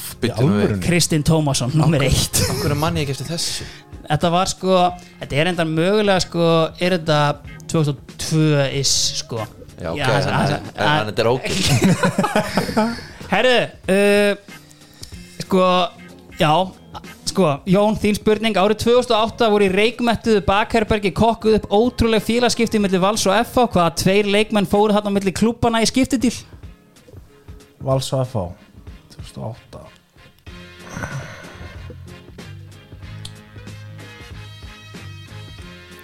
Hérna Ég er ekki með það.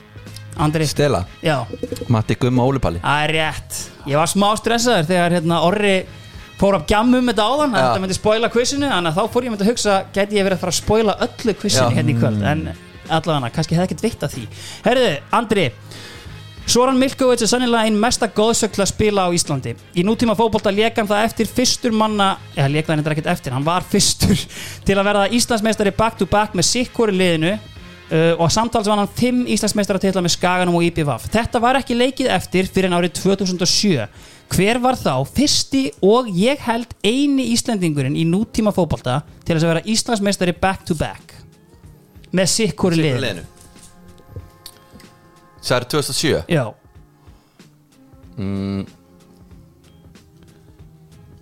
Ok, það er þá Valsari sem fyrir yfir í FH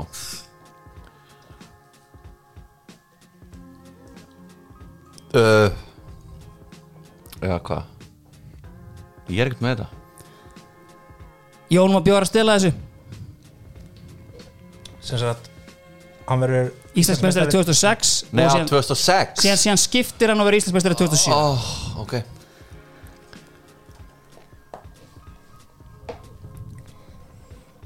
Þetta er ekki að koma. Er þetta ekki, er þetta ekki bara Nei, ég er ekki með það. Baldur Bett, Já. kongurinn Svonur James Bett sem var auðvitað á HM eftirminnilega. Jón Kári, Íslandsmeistara Breiðabliks. Býta eins Íslandsmeistara Breiðabliks árið 2010 unni mótið undir stjórn prófessorsins með eitt yngsta Íslandsmeistaralið allra tíma og engan útlending. Ofan á það var bara eitt leikmaður í liðinu sem hafði áður orðið Íslandsmeistari. Hvaða leikmaður var það?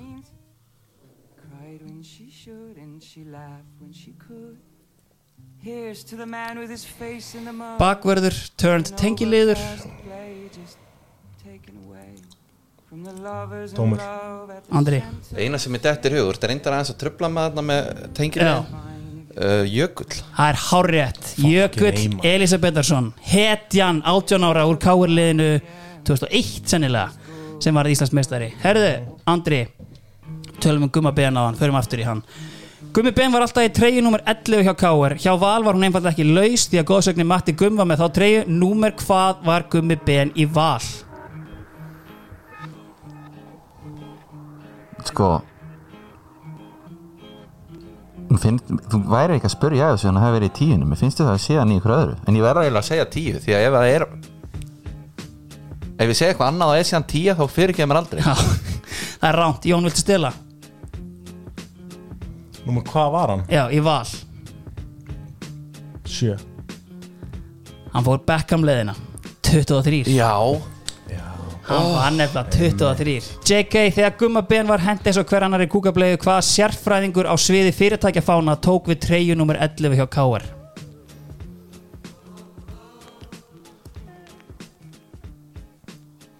Hvað ár?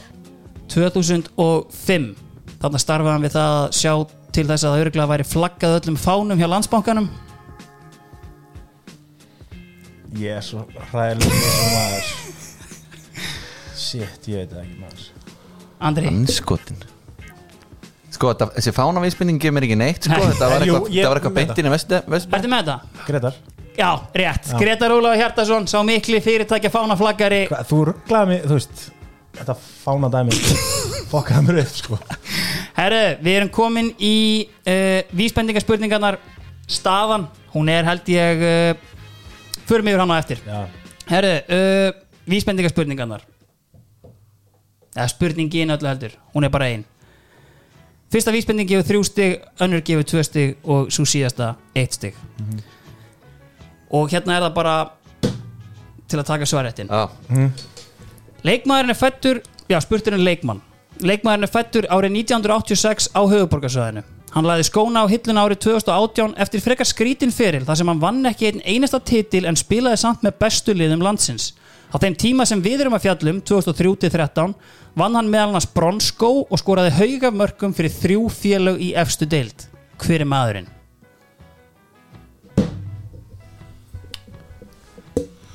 Er þetta Hjálmar? Nei, það er ekki rétt Ég er ekki með Vísbending nummer 2 Hann spilaði aldrei landsleik og var aldrei nálægt í Hann er uppalinn fjölnismadur en skipti ungur að árum yfir í Íslands stórlið Þaðan tók hann skref niður og var þeitt besti kampmaður deildarinnar áður en annað stórlið keft hann í sína raðir þar sem hann náði ekki alveg að fylgja eftir fyrri frábærum árangri sínum. Já.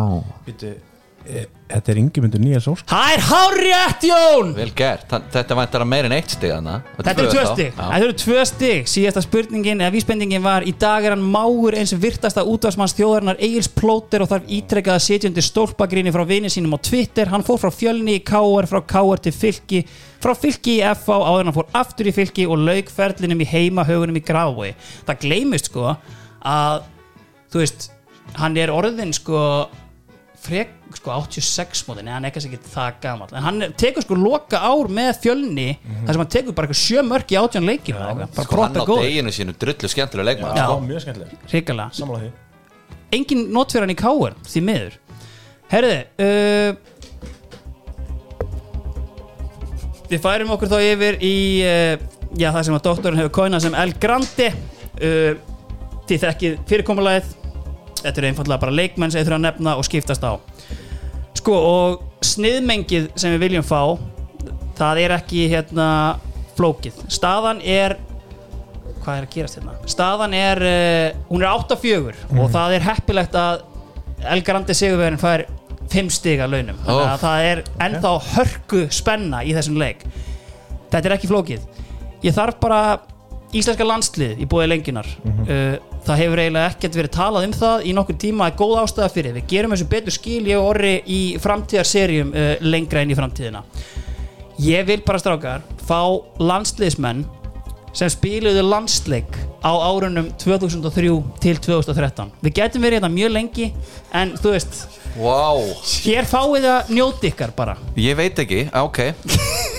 Uh, Andri er yfir svo að Jón Kári má byrja Eður Smári. Rúna Kristins, Brynja Björn. Ívan Ingimas Hermar Heiðarsson Greta Rapp Þóruður Guðjóns. Eðar Helgu. Bjarni Guðjóns. Já, Jónas Karl.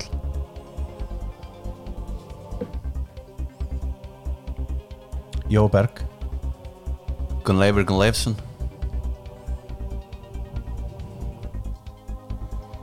Gilvi um, Daði Lár.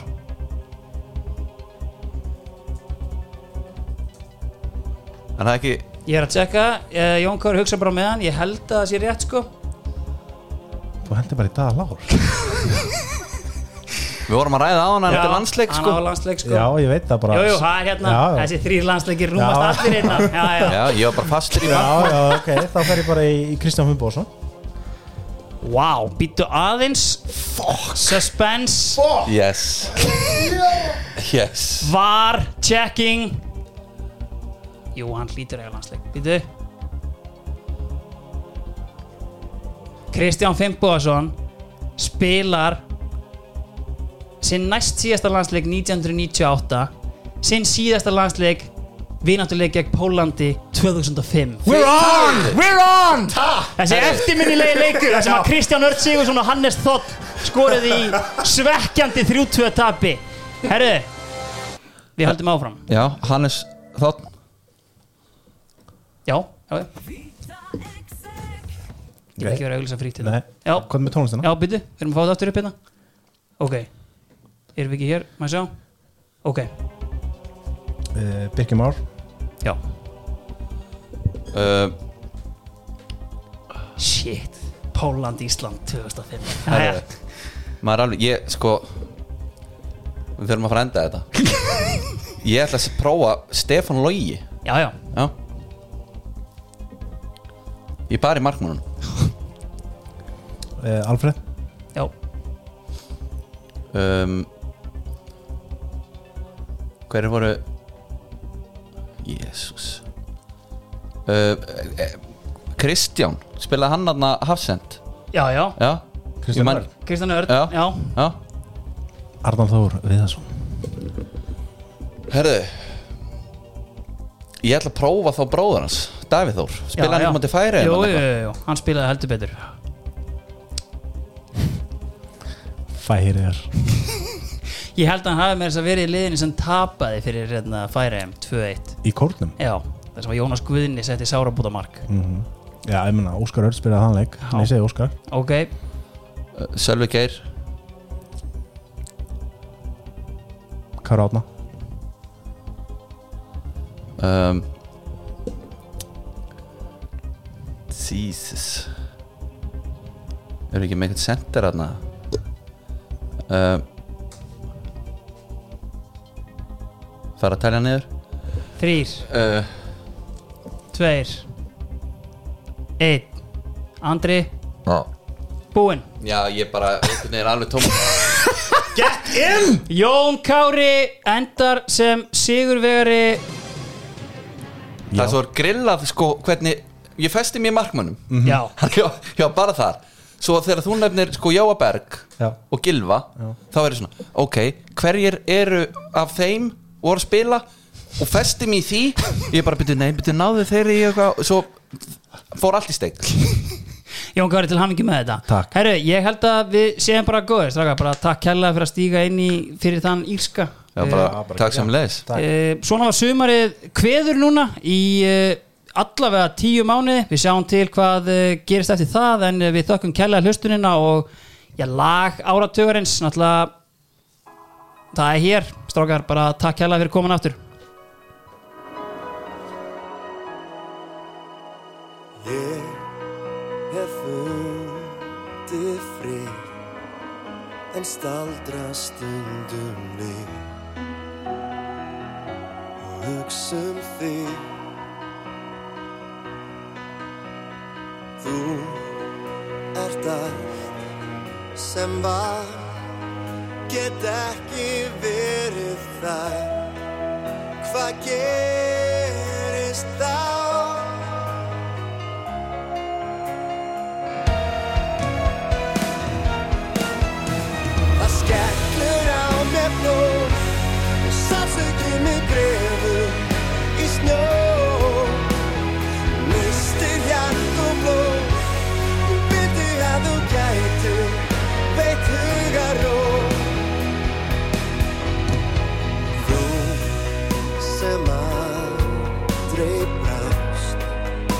gafst alla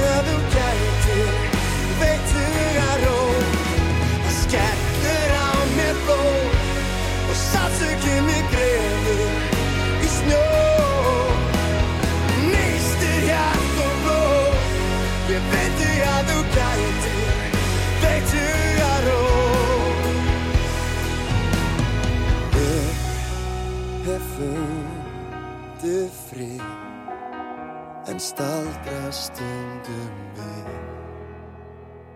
Og hugsa um þig.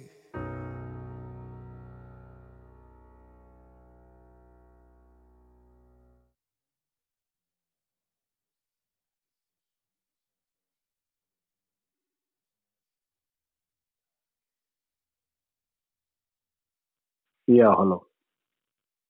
Orri? Já. Neina að taka upp með mér lengi auðvilsingu Já. Ok, býta aðeins Nei, býta aðeins líka.